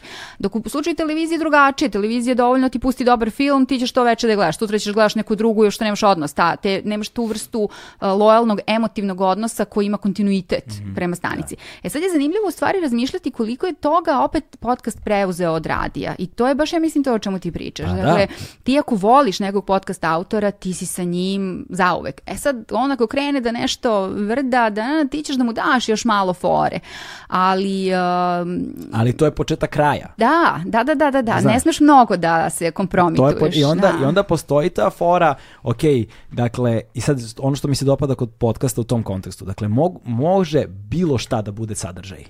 Može bilo šta da bude sadržaj. Bilo, šta, bilo koja tema, tako je, bilo da. koja tema, bilo jest. šta. Ma može najkomercijalnija na svetu, Jest. ali ako tebi publika veruje, Da, i ako i daš neki ugao koji je zanimljiv i za ali, nju ako, ali važan, ako tebi publika veruje da si ti to stvarno, recimo, ne, ne znam sad lupetam, doveo sam, sad ću sad lupetam, ne znam, direktora marketinga Coca-Cola da pričamo o ne znam čemu, što je meni fascinantno, ali ako tebi publika veruje da tebi zaista to fascinantno, da si ti zaista doveo tog lika, a da nisi uzeo novac, nego zato što je to tebi Mhm. zanimljivo, Strava, može. jeste, odslušat će i bit će, da, da, da, da, daće ali šansu. ako, su, ali ako je Coca-Cola kupila prostor da priča o svojem, e, to je već problem. Ali kako sada da publika da zna razliku između ta dva? Znaš, a na neki način znaju. Mm. Ne znam kako znaju, ali znaju. Па, Тоа се да, лудски фактори. Да, тај таа емотивни, интуитивни, ирационални, да.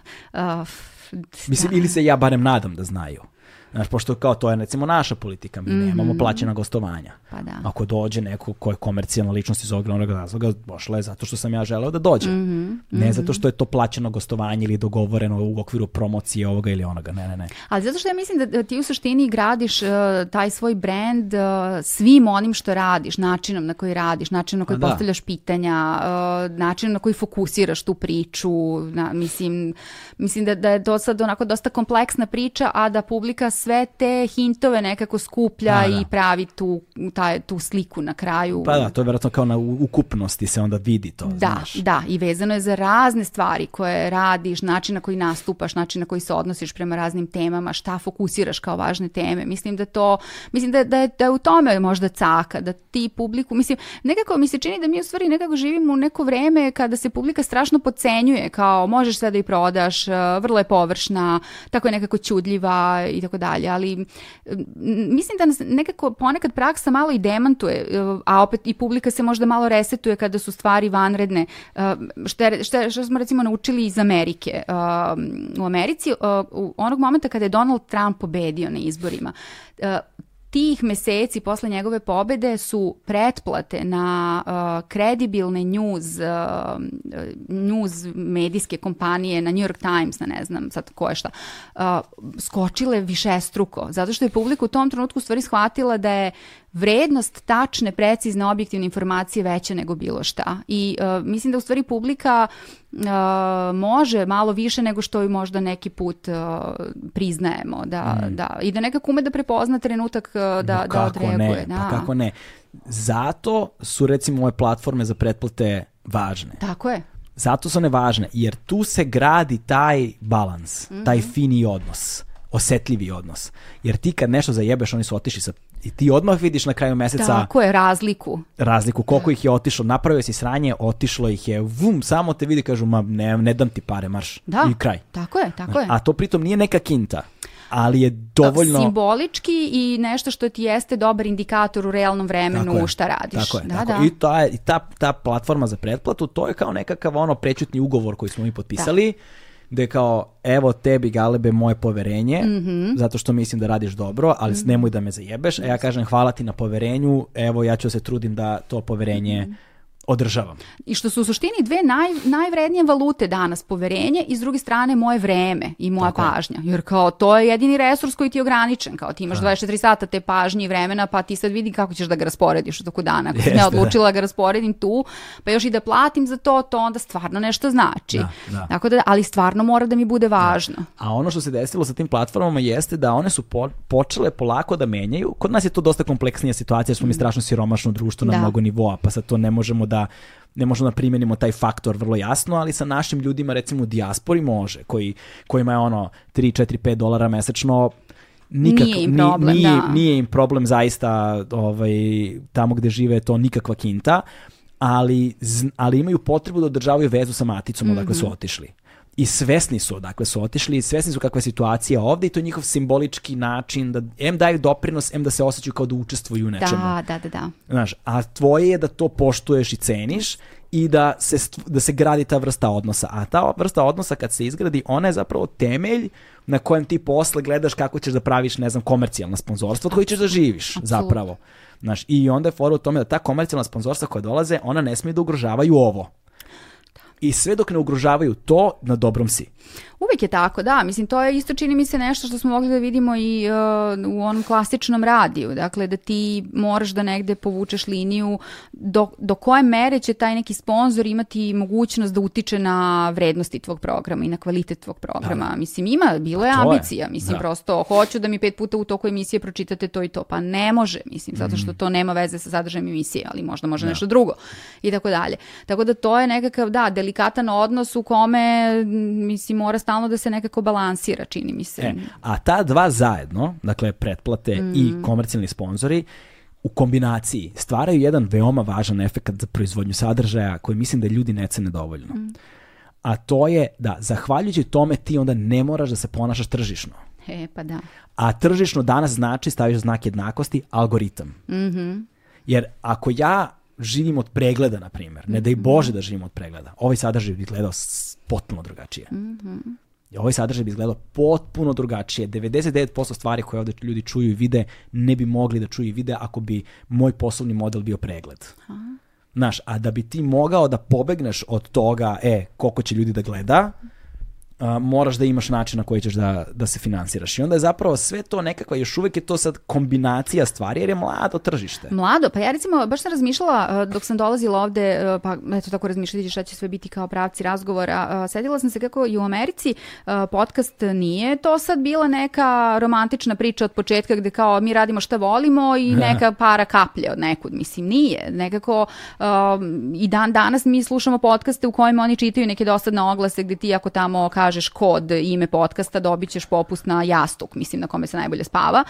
Ali, e, ti, ti, ti madraci za spavanje, jastuci su, to, to im je baš da, popularno. To, jesi primetio još nešto, sad dok gledi korona, um, uh, psihoterapija preko telefona, Tako odnosno je, online. Bravo, kao, da, da, online da, da. terapija. I ti u stvari vidiš tačno kako oni odgovaraju na potrebe tržišta. To i treća stvar, oni kao razni safe, sigurnosni sistemi za stanove i kuće. To je sad kao nekako, očigledno su to neke industrije koje su za slušalci podcasta, a i neki odgovor na ono što se u društvu dešava. Ali recimo, um, kada, se, kada je tako malo ojačao podcast kao tržište u Americi, um, a u želji da se neguju ti razni formati i teme koje su koje nisu baš neki mainstream obavezno, uh, nego su i angažovani i društveno odgovorni, bave se nekim marginalnim grupama ili subkulturama i tako dalje. Uh, pa je onda napravljena ta platforma Radiotopija i ona je jako bila zanimljiva zato što je ona pod taj neki kišobran okupila uh, one podcaste koje su pokretači tog agregatora ili te platforme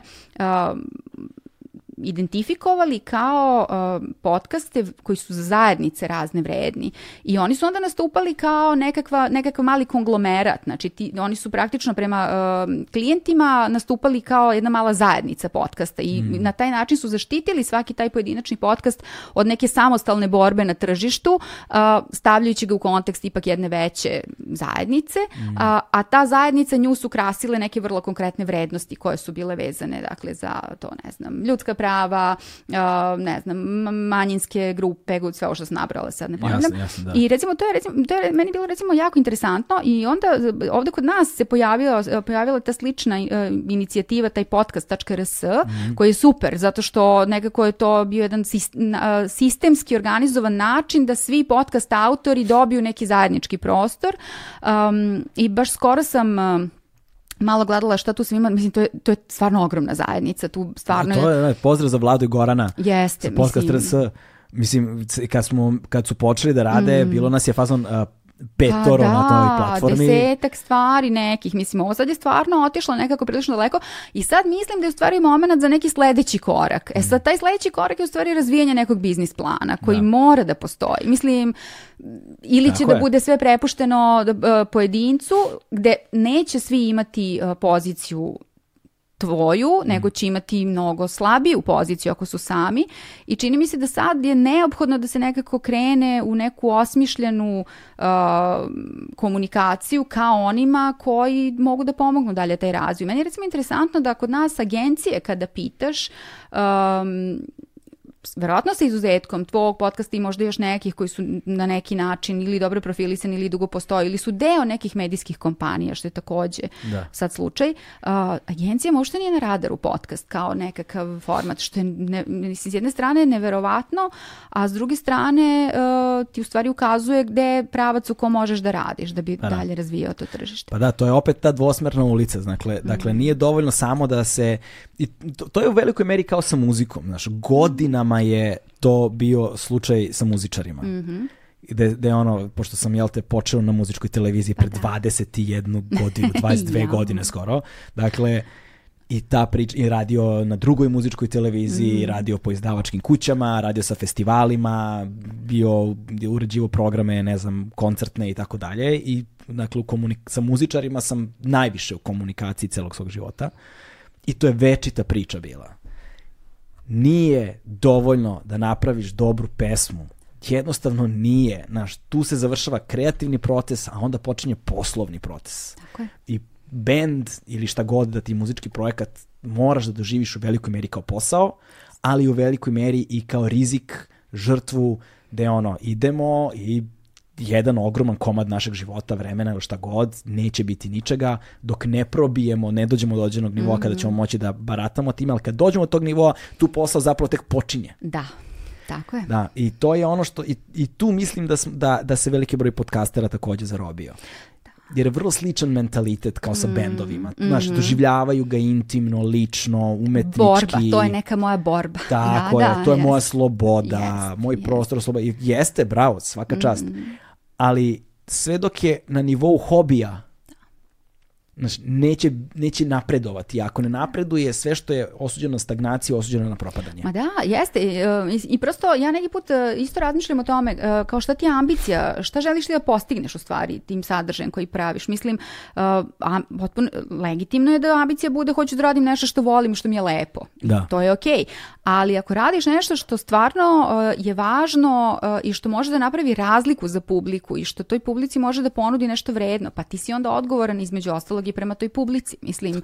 I moraš da se onda potrudiš da taj svoj proizvod e, zaista tretiraš baš to što si rekao, kao jedan biznis proizvod da. i da ga nekako prila, prilagođavaš, ne kompromitujući ono što su tvoje osnovne vrednosti od kojih si krenuo, ali ga ipak nekako uh, oblikujući tako da, od, da na njemu možeš da kapitalizuješ, a da onda to uložiš u neki njegov uh, dalji razvoj. Jer uh, ja ne znam, mislim, to je kao, uh, mislim, legitimno da ti radiš nešto za sto ljudi, kao, to je uh, zabavno.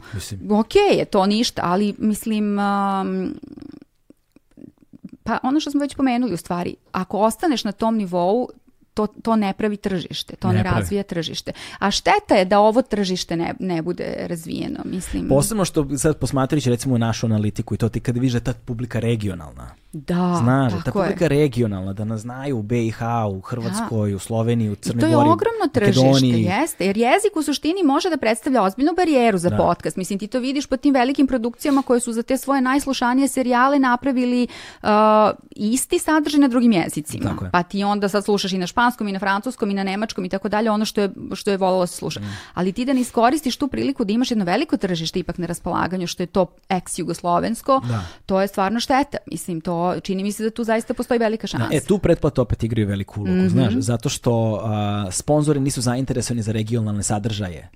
Da. Znaš, jer da, oni su zadržani da. samo za sadržaj u tvojoj zemlji. Da. I onda, ono, ne, sad, ne znam, opet da je pomenu opet Coca-Cola. Coca-Cola, mm. postoji Coca-Cola Srbija, postoji Coca-Cola Hrvatska, da, postoji Coca-Cola da, BiH. BiH Nećete da. bi ovi da daju lovu za ceo region, nego, znaš, a niti će oni ne komuniciraju nešto baš pretarano između da, sebe. Da, što je nevjerojatno, da, ali vidiš, to je da. isto. Da. Tako da, sad da bi, da bi priča zaista mogla da bude velika u tom kontekstu ili da imaš regionalne sponzore što je ekstremno redko, mm. da ima takvih zainteresovanih, da. ili da postoji taj format pretplata, da. znaš, da opet ne bi morao da se odnosiš prema, prema, prema, prema algoritmu pregleda, znaš, jer to je najgora moguća opcija. Da, to jeste najgora. Pa da ja koliko znam, Daško i mlađi imaju, zapravo oni se jako trude i mislim da imaju tu, taj, tu podršku baš iz dijaspore. Tako kao, je, da, to im je, da. Ali oni imaju taj jugoslovenski identitet da, skroz, vrlo skroz, skroz. Pa i mi u velikoj meri isto pa da, takođe, pa imamo, takođe imamo. Jest. Ovaj, e, sada, što sam teo da kažem, ovaj, takođe to, dakle, kada je podcast plan B, ok je da bude plan B, ali ok je da bude plan B u kontekstu um, korporacija. Tako pa je. sad ne znam, United grupa jebi ga imaju šta sve imaju, pa podcast možda bude tamo neki plan C. Jeste. Za imidž je dobro da ga imaju. Ili Jeste. kao dopuna sadržaja Jeste. koji već generiše određeni novac ili da li je to RTS ili je to Da. ne znam ono MTS ili kogod, znači da sad se ne, ne delimo ideološki Da, da, da, da, poziciono i opoziciono i tako jeste. dalje. Samo govorim u kontekstu poslovnog modela korporacija. Ali ako ti individualno radiš, pa znaš, ono, jedan od najboljih motivatora da nastaviš i da traješ i da želiš i da ideš jeste upravo taj rast. Naravno, da. Znaš, jeste upravo ta povratna sprega. Znaš, da to što radiš, ako voliš, dobiješ i neku lovu za to, znaš. Ali opet kažem da na tržištu mislim da je potrebno da se prvo pojavi nešto, pa da ljudi Mhm. to prepoznaju, pa da onda to pokrene neke procese. Pa i to su procesi koji traju zapravo jako dugo. Mm. Mislim, mi sad kad pogledamo u neku teoriju um, i stalno uh, pričamo sa studentima o, o tome koliko su te teorije koje su nastajale u nekom ranijem analognom sistemu i dalje primenjive. I sad ima neko pravilo 30 godina koje kaže mora proći 30 godina da bi nešto što je inovacija, uh, nov uređaj, sadržaj, servis, ideja i tako dalje, uh, postalo deo tržišta, naravno ako u toku tih 30 godina uspešno prođe te neke razne faze rasta i razvoja i ne propadne. Dakle, i to je to. I sad ti kad njih pitaš, uh, pa dobro, uh, kako vam se čini to 30 godina? Ne kažu, u, pa dugo je to 30 godina, kao to sve danas traje duže, traje, traje kraće mnogo, danas je sve mnogo brže. Međutim, uh, kad razmisliš, internet kad se pojavio, ja se sećam, uh, ja sam prvu internet adresu, odnosno mail adresu imala 94. kad sam upisala psihologiju na filozofskom fakultetu i tad smo svi dobili dva sata interneta u računskom centru i kao svoje mail adrese, ime, prezime, et fbgacrs. I sad meni to bila prva mail adresa, 94. Danas je 2022. To je znači, ne znam, 20, koliko, 27, 8 godina. ok, dobro. O, da, dosta. E, Još dve ali- godine pa 30. Pa 30. E, ali pazi, znači danas je internet, uh, u, u, sad kad bi pogledali, ne znam, istraživanja, to sad raste stalno, ali je ulazak interneta u, u Srbiju u smislu kao dostupnosti sigurno 80% i možda čak i malo više. To znači za dve godine ćemo mi moći da kažemo da je internet nekakav standard. E sad ne samo što, e sad da, kad se kaže 30 godina, ne misli se samo na to da on svima bude dostupan, nego da zapravo svi oni kojima je dostupan umeju da ga koriste, e, razumeju, mogu da ga koriste, mogu da iskoriste sve njegove kapacitete, potencijale. Iz te perspektive podcast dakle postoji 15 godina zaista i on jeste sad na nekoj možda klackalici gde možemo da vidimo šta će biti, kako će biti, kako će se razvijati, da li će opstati. Mislim, on će opstati svakako kao nekakav nezavisni format, ali je, uh, čini mi se, za 15 godina će biti zanimljivo da vidimo gde je, kako se razvio, kako se razvilo to tržište uh, i koliko je publika to će u stvari biti neko pravo merilo. Koji procenat publike podcast uh, opaža kao deo neke svoje redovne medijske navike i koliko ga je uvrstilo u neku svoju redovnu medijsku naviku? Znači, vjerojatno i meni i tebi i raznim ljudima koji vole podcast, podcast je nešto što je standard. Znači, svake nedelje slušamo podcaste. Znači, Svaki dan slušam Svaki dan slušam podcast. Dakle, to mi je nekako postalo, ali to je, to je ono što ti pričaš. I sad, recimo, ta prva faza u razvoju, ti early adopteri, oni koji eksperimentišu, oni koji su to izmislili, to je obično desetak, 15%. To, se, to čak se izmerilo na tržištu, kao, ali uh, dok ne pređe 50% ti dalje nisi siguran da li će to opstati. A tek kad pređe nekih 50% onda možeš da vidiš kako ulazi u tržište i u stvari mislim da ćemo za, eto, možda 10-15 godina moći da vidimo koliko je podcast postao uh, prirodan, prirodna ponuda velikih medijskih kompanija, uh, nešto što svi imamo u mobilnom telefonu kao mogućnost, nešto što nam je svima poznato, što znamo da koristimo, uh, što nam nudi nešto što je za nas važno i uh, dakle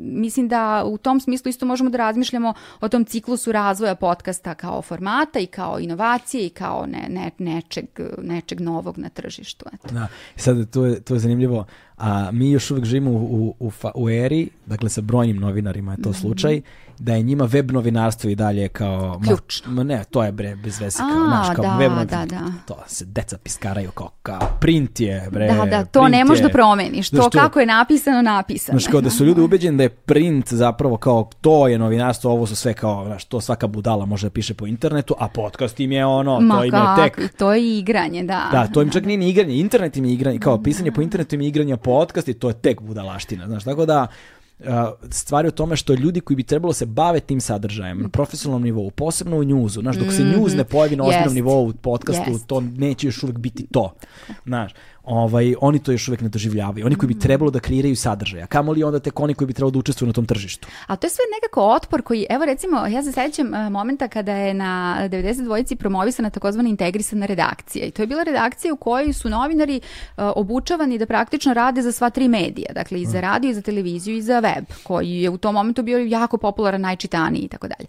Um, I bilo, i jako mnogo vremena je moralo da prođe da bi se izašlo iz uh, kulture poslovanja koja koje, ka, koja je govorila vest mora prvo da se pročita u sedam u vestima na televiziji. Da. I sad ti sediš od tri popodne kao s nečim što je, imaš vest, ona ne može da ide na web, na sajt. Ne, ona mora prvo da ide na vesti na televiziji. I to je moralo prođe vremena i vremena da se shvati da tebi web e, nije konkurencija u smislu U stvari šta je tu važno? Čini mi se da to nekako ključno za izlazak iz tog straha i otpora prema nečemu što je novo. Da ti to novo ne doživljavaš kao uh, nešto što tebe ugrožava, nego ti daje mogućnost da osmisliš za sebe neke nove uloge i nove funkcije. Kao kada se recimo, uh, kada se pojavio radio, štampa je tada shvatila da ona više neće moći da donosi uh, najbrže vesti. Da. Najbrže vesti će biti radio, ali to onda znači da se ti u štampi ne fokusiraš više na to da budeš najbrži, nego da ljudima objasniš tu vest. Dakle, nećeš biti najbrži, ali ćeš biti neko ko analizira. Pa je onda pojavila se televizija, pa je radio rekao, ok, ljudi mene više neće doživljavati primarno kao informativni medij, jer sad svi žele da vide i sliku vesti, ali ja i dalje mogu da zadržim debatu, analizu i i dalje ću biti najbrži dok se nije pojavio internet, pa se pojavi i tako, i tako dalje. Znači, čini mi se da danas uh, taj po, i podcast pa kao i web, mislim super si to rekao, tačno, sajt je ono nešto, to se tamo nešto, nema ni veze ti to moraš da shvatiš ne kao nešto što će tebi da odvuče publiku, nego nešto što će da ti donese neku novu publiku, zato što ćeš ti njoj kroz taj novi kanal da na jedan nov način i sa novim kvalitetom ponudiš svoj sadržaj. E, mislim da. da, je, da ta psihologija razmišljanja je, čini mi se, užasno važna kada razmišljaš uh, u tim biznis perspektivama koje su fokusirane na razne medijske kanale. Da, da. Dakle, danas krik, jel nas čujete? da, apsolutno. Ne, ja, ja mislim da kada bih mogla ljudi. da slušam njihove priče, da bi to, to bi bilo potpuno genijalno. Sad zamisli možda čuješ kako ti, uh, Možda naprave prosto saradnju sa nekakvom spoljnom produkcijom i da, Tako da, je, da, da, im, da im daju, to... pošto ti imaš gotov napisan tekst, daj nekome da ga dramatizuje, I sigurno da snimljen materijal, da, zamisli možda čuješ glas nekoga. To je već i arhiva i fact checking, sve je urađeno. Sve. Ima, imaš, gotovo je, to je to. Samo treba neko da uzme i da to, da. znaš, ne ekranizuje, ali da pretvori u nešto da drugo. Znaš, a da. ekranizacija da. je treća priča. To je sledeći da. korak posle da, toga. Da, da, posle Netflix je i HBO da preuzmu. Da, e sad, uh, po, stižemo polako do kraja, sad me samo zanima, uh, studenti na fakultetu Ovaj, dakle, počeli su ozbiljnije da prihvataju radio kao deo svog silabusa i fokusa možda malo više. Ovaj, I to je ono što mislim, gde se zapravo nadam da će se desiti uh, generisanje ozbiljnog sadržaja, da će s takvih redova zapravo doći, a to je, uh, to je taj uh, skriptovani, dakle, pisani, igrani, znaš, ono, tu i postoji obrada dizajn zvuka, zvučna Absolutno, slika, da. dakle da se iskombinuju nekako ovi scenaristi, dramaturzi sa ovima, jer su svi na dizajnu zvuka metalci. da ja svi ljudi koji znam studiraju dizajn, obradu dizajn zvuka su metalci, brate. To ne sam... viš, nisam dobro vadila, ne znam, nisu, ne. Ima Mahom su metalci da, da, iz mog iskustva. e, ovaj, da, znaš, da prosto počnu da proizvode nešto, da će to da bude kroz studentske vežbe, nije važno, ali da se da bude kao neka pokazna stvar da se vidi da može. Uh -huh. Znaš, ali oni to već rade uveliko. Pa, da. da, mislim, evo mi svake godine recimo, mi njih tačno... Zašto ne plasiraju na podcast platformu?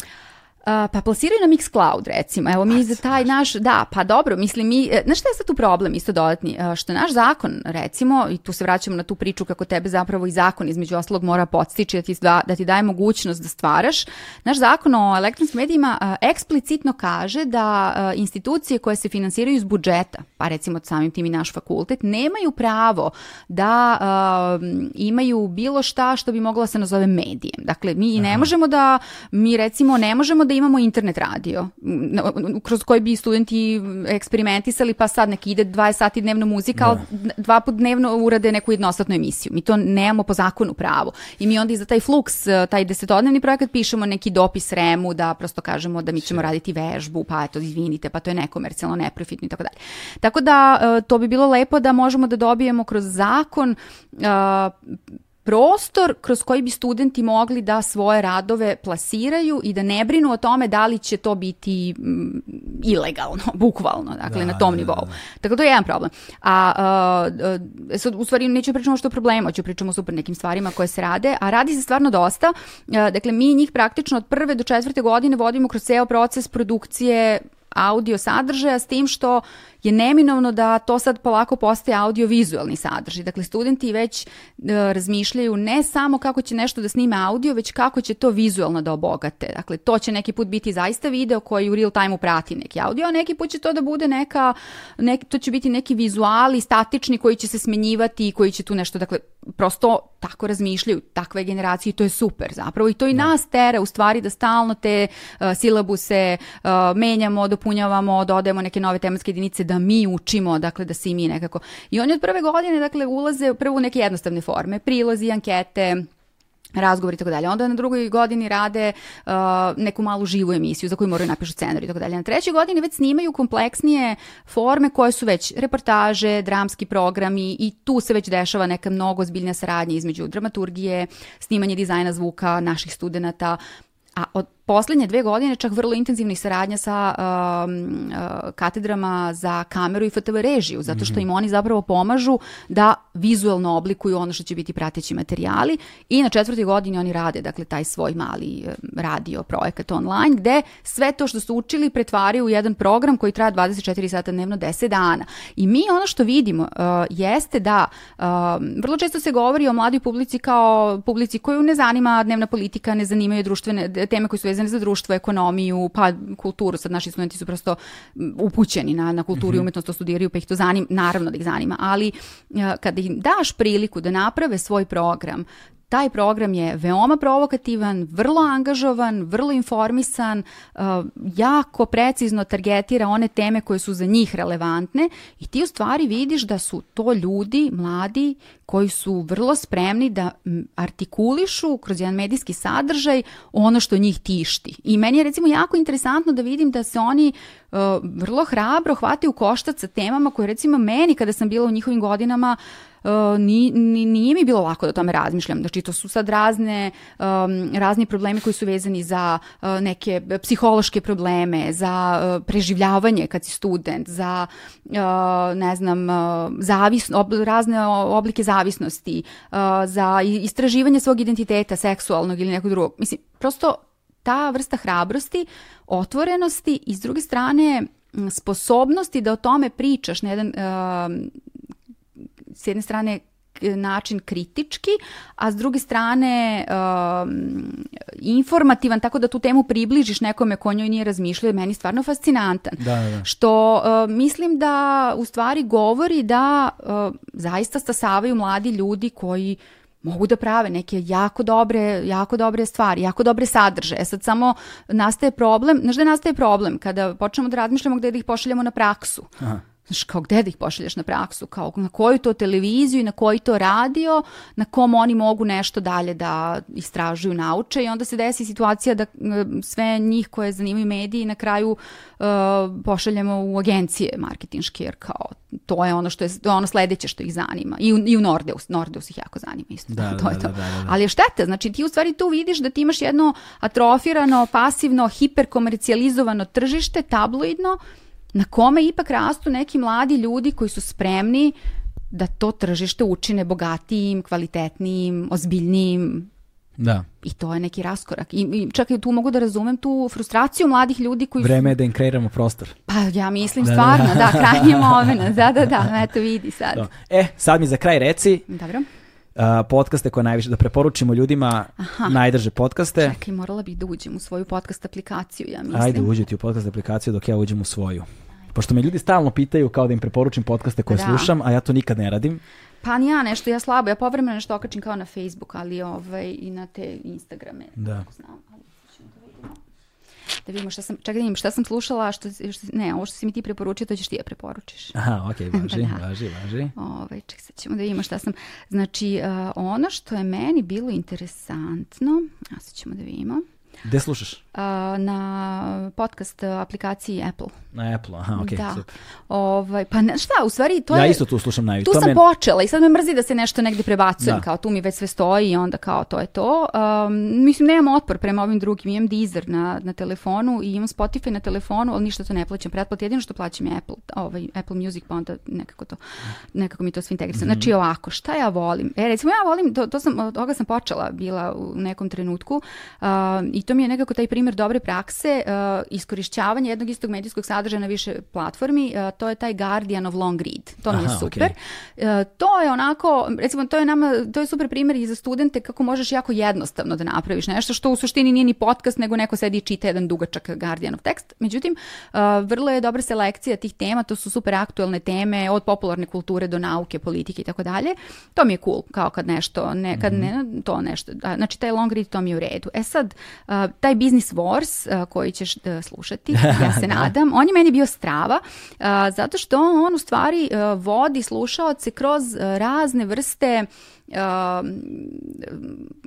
kako bih rekla, konkurentskih borbi na tr- kroz razne industrije. Evo sad baš gledam šta je nešto, nešto od posljednjih epizoda, recimo bilo TikTok protiv Instagrama, pa recimo uh, bio je taj Nike protiv Adidasa, pa ne znam. uh, Znači to su najrazličitije industrije, a u stvari oni te kroz jednu vrlo lepo ispričanu priču, onako dramatizovanu čak priču, uh, vode ta, istovremeno ti objašnjavajući istoriju tih kompanija. Dakle, meni to recimo bilo interesantno, svašta nešto možda saznaš novo uh, i onako lako se, lako se sluša. Evo recimo čak bilo pred novu godinu Christmas Movie Wars, pa sad kao šta volimo da gledamo, šta nemamo. Znači, stvarno ima svašta, mislim. I to ima nešto preko 60 sezona, tako da toga ima baš da se sluša dosta.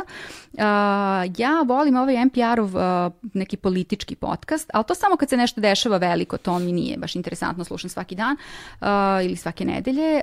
Um, sad se pojavio ovaj trojanski konj, recimo, Aha. eto, to možemo preporučimo. Evo ga, to je, The Trojan Horse Affair. yes, to je ovaj, uh, u stvari um, To je New York Times. Jeste u saradnji sa Serial uh, produkcijom, koja je u stvari produkcija This American Life, tog čuvenog uh, programa.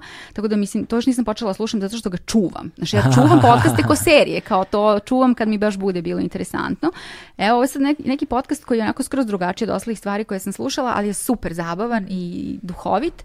How to do it se zove i uh, to je u stvari uh, sex advices uh, with Stoja and Rich. Stoja, Aha, Stoja, da. naša Stoja, mislim naša.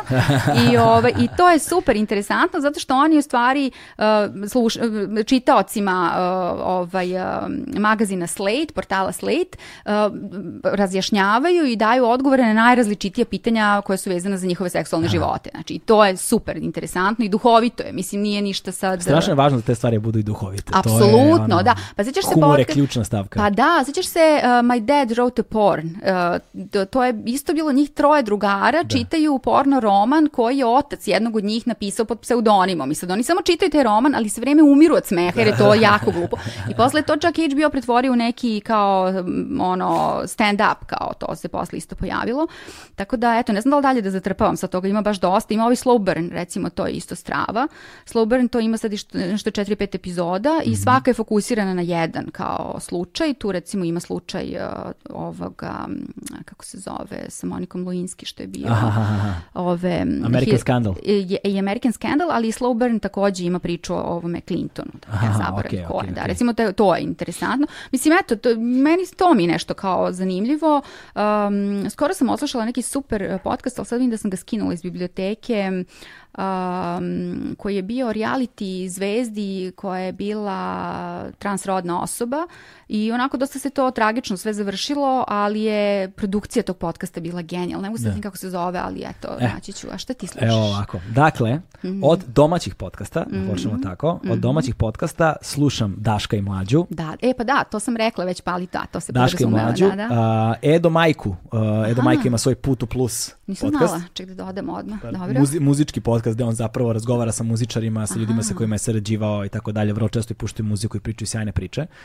Tako da to. Mhm. ovaj, ima još jedan muzički koji slušam, zove se Song Exploder. Aha, to viš isto ne taj je, taj je strava gde zapravo uh, ono, muzičari najrazličitih sfera, ali stvarno mega poznate. Dovode i onda oni uzmu jednu pesmu i raščlane je kako je nastajala. Strava. Korak po korak, kako je nastajao bubanj, kako je nastajala melodija, Ma, ka- to je super. u kom su emotivnom stanju, gde bili, kad je šta nastajalo i to bude epizode po 15-20 minuta u jednoj pesmi, ali i na kraju se pusti ta pesma u celosti, ali kada je puste onda slušaš tu pesmu skroz, Na drugačiji drug- način, skroz strava, drugačiji način. strava, da, to je super. Da, to mi je strava. Sad sam za vikend izbinđovao ovaj, um, uh, podcast The Clearing. To me čeka sad kad izađemo odavde, da znaš. Da, to je vrhunski podcast. Dakle, to sam sinoć dodala, čim si ga pomenuo. Da, e, to je, ovaj, dakle, devojka April se zove, a, koja e, e, celog, celoga života spava loše, ima strašne košmare, ima jako loša sećanje iz detinjstva i ne može da ih poveže baš najbolje. I onda negde sa oko, oko svog 40. rođendana vidi neku vest iz nekog malog mesta koja joj trigeruje celu lavinu e, ovaj sećanja i onda se zapita da li je njen otac bio serijski ubica. Haos. I kreće na putovanje. Da otkriju da li jeste ili nije. To je, to je, to je, to je ludilo. I tu ima 8 ili 9 epizoda, to sam sad izbinđao za vikend, to je strava.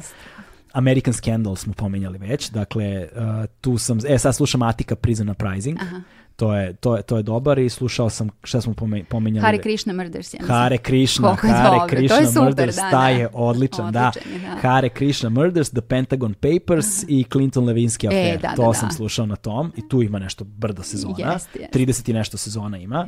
The Trojan Horse Affair sam stavio, još nisam počeo. Uh, BBC Radio 4 Seriously. A, da, znam, yes. Seriously je nedeljni podcast koji svake nedelje donosi novu dokumentarnu epizodu. Da, da, da. To je e, strava. I znaš šta je to vidiš važno kad si pitao gde slušaš podcaste? Ja sam u stvari sad ovde nemam ništa od BBC-evih zato što, eto, možemo skrenemo pažnju to ljudima koji slušaju. BBC-eva aplikacija koja se zove Sounds je potpuno genijalna aplikacija. Dakle, u- Ja BBC pratim na Apple podcastu. E, ali BBC Sounds, kroz nju možeš da live slušaš sve radijske programe BBC-a, plus podcaste koje su produkcija, dakle, raznih BBC-evih kanala, plus specijale koje oni rade, koji su iz emisije. Znaš kako? Da, a pri- BBC E, treba. kako izgleda ta aplikacija, to je potpuno genijalno. Znači, BBC Sounds, to je isto preporuka pored, uh, ono, Dakle, ja, da, ja ovde ne idem hronološki, niti idem, Da, da, niti, ne, ovo je niti idem vrednosno, samo kako mi nailazi pa Yes. čitam. Znači, uh, jedan od podcasta koje najduže slušam, to je Mark Maron, What the fuck, Mhm. VTF, Mark Merona. Uh, evo ga Serial, mada sam Serial iskreno oslušao samo ovu prvu. Isto ja prvu, nisam se posle više Nije mi, nešto. nije mi ne, posle ne. bilo. A, dobar je In the Dark. E, znam, da, da, In slušala, the Dark. A, onda idemo dalje. Steven Fry ima serijal od The Seven Deadly Sins i to je sedam epizoda, svaka epizoda posvećena jednom grehu. da. Ma, to je genijalno, ček da dodam, Mislim, to znaš. Stevena Frya, tako da, Da, ti da, je, to će biti super, Tako da ti je sigurno. jasno. Dobro. Da, Ček ima, nađem. ovaj, A, evo ga, Stephen Fry, Seven Deadly Sins, strava. tako je Dobro. to. Onda BBC-ev Intrigue, to sam ti slao. Jeste. To da, ste sam slao, dakle to su tri sezone trenutno, tri priče, isto to Da. je dokumentarni, do, dokumentarne, do, dokumentarni serijal. Uh, najnovija priča je ta Mayday, uh, Mhm. u pitanju je priča o belim šlemovima u Siriji. Uh, druga sezona pre toga se zove Tunnel 29, Mhm. o studentima koji su kopali tunel ispod berlinskog zida da izlače ljude iz uh, istočnog Berlina. I pre toga je bila The Red Line, a, to je kako su nacisti bežali nakon drugog svjetskog rata i ovaj, kojim kanalima su. Da, bežali, da, ko ih je čuvao i kako su se posle konvertovali u cijne agente u sukobu sa Rusima u hladnom ratu. To je ono, to je, to je baš dobro. Onda ima Your Undivided Attention, to je ovaj um, Tristan, on je autor ovog dokumentarnog filma na Netflixu. Tristan Harris. A, jeste, možda? da. Da, da. dokumentarnog filma na Netflixu Social Dilemma. Social Dilema, da, da. I, dakle, Social Dilemma zapravo, to je, oni se bave problemima Jeste, on ima celu mreža. tu, da, kao svoju kompaniju koja se bavi sa tim etičkim dizajnom u To, stvari. to, da, da, to, to, je super, da. A, onda Thinking Out Loud, isto BBC Radio 4, Aha, to znam. to, onda 13 Minutes to the Moon, to je isto gotov serijal o putovanju na A, mesec. strava, strava. I zapravo prati e, iz faz, svaku fazu sletanja na mesec. U, super. Sletanja na mesec, povrat, povratka nazad. A, Missing Crypto Queen. A, to si mi ti rekao, to sam slušala ti kad si mi ti, da, da, da, to je odlično. Missing Crypto Queen je odličan. Odličan, da. A, onda NPR of Hidden Brain. Aha, da. I ajde, evo da navedem možda još dva, tri. Ma da Pa ima i onaj dobrih. Reply All je recimo dobar, eto ti kao što se slušaju, što uvijek možda ih slušaš, Da. Reply All, on ta... New Yorker Fiction i New Yes. Yorker Writer's Cho- Voice, to mi je Aha. strava, to su pisci koji čitaju svoja prozna dela Aha, i pisci koji čitaju druge svoje omiljene pisce Da, da. i kako su uticali na njih. E, pa znaš šta je isto super na tu temu, mislim nije baš, ali Modern Love recimo, Da. New York Timesa, to je Da. strava, to je čak postala i re- uh, serija na Amazon Prime, ja mislim može se gleda, ali Modern Love je isto strava zato što prvo ide kao ta neka priča koja nekako govori o nekoj, nekom romantičnom odnosu, a onda se na kraju desi razgovor između uh, novinara i neke poznate ličnosti, koje vrlo često poznata ličnost čita tu priču, mislim, To, tako I da eto, ovde da, ima Modern ono od. Borgesa, Dostojevskog, Murakamija, ne znam, Frenzen koji čita Da, da, Borgesa strava. i slične stvari. Da, Tako da. to je sjajno. Da, to je A, Overheard at National Geographic, to mi je sjajno. to su sve one priče koje ne završam na nacionalnoj geografiji, a koje su ono malo obskurnije, čudnije, bizarnije i onda ih istražuju. Ali i vidiš kako je to dobro. Oni su u stvari podcast prepoznali kao kanal koji je tačno dogradio i malo otišao u... Da, ima vrhunskog sadržaja To koji ne završava Yes. u, u, u časopisu, ali Super. kao to.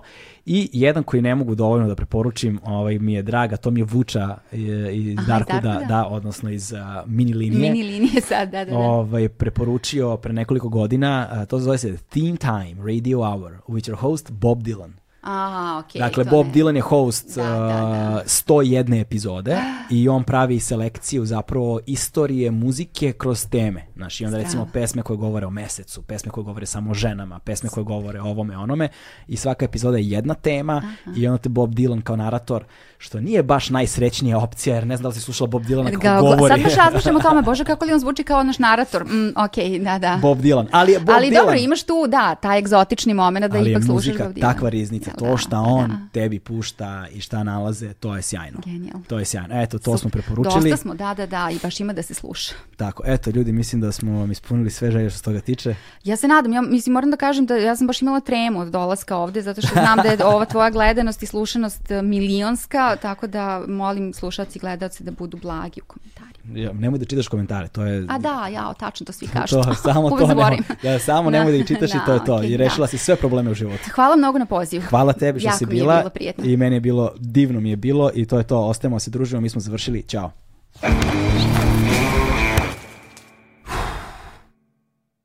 Hmm.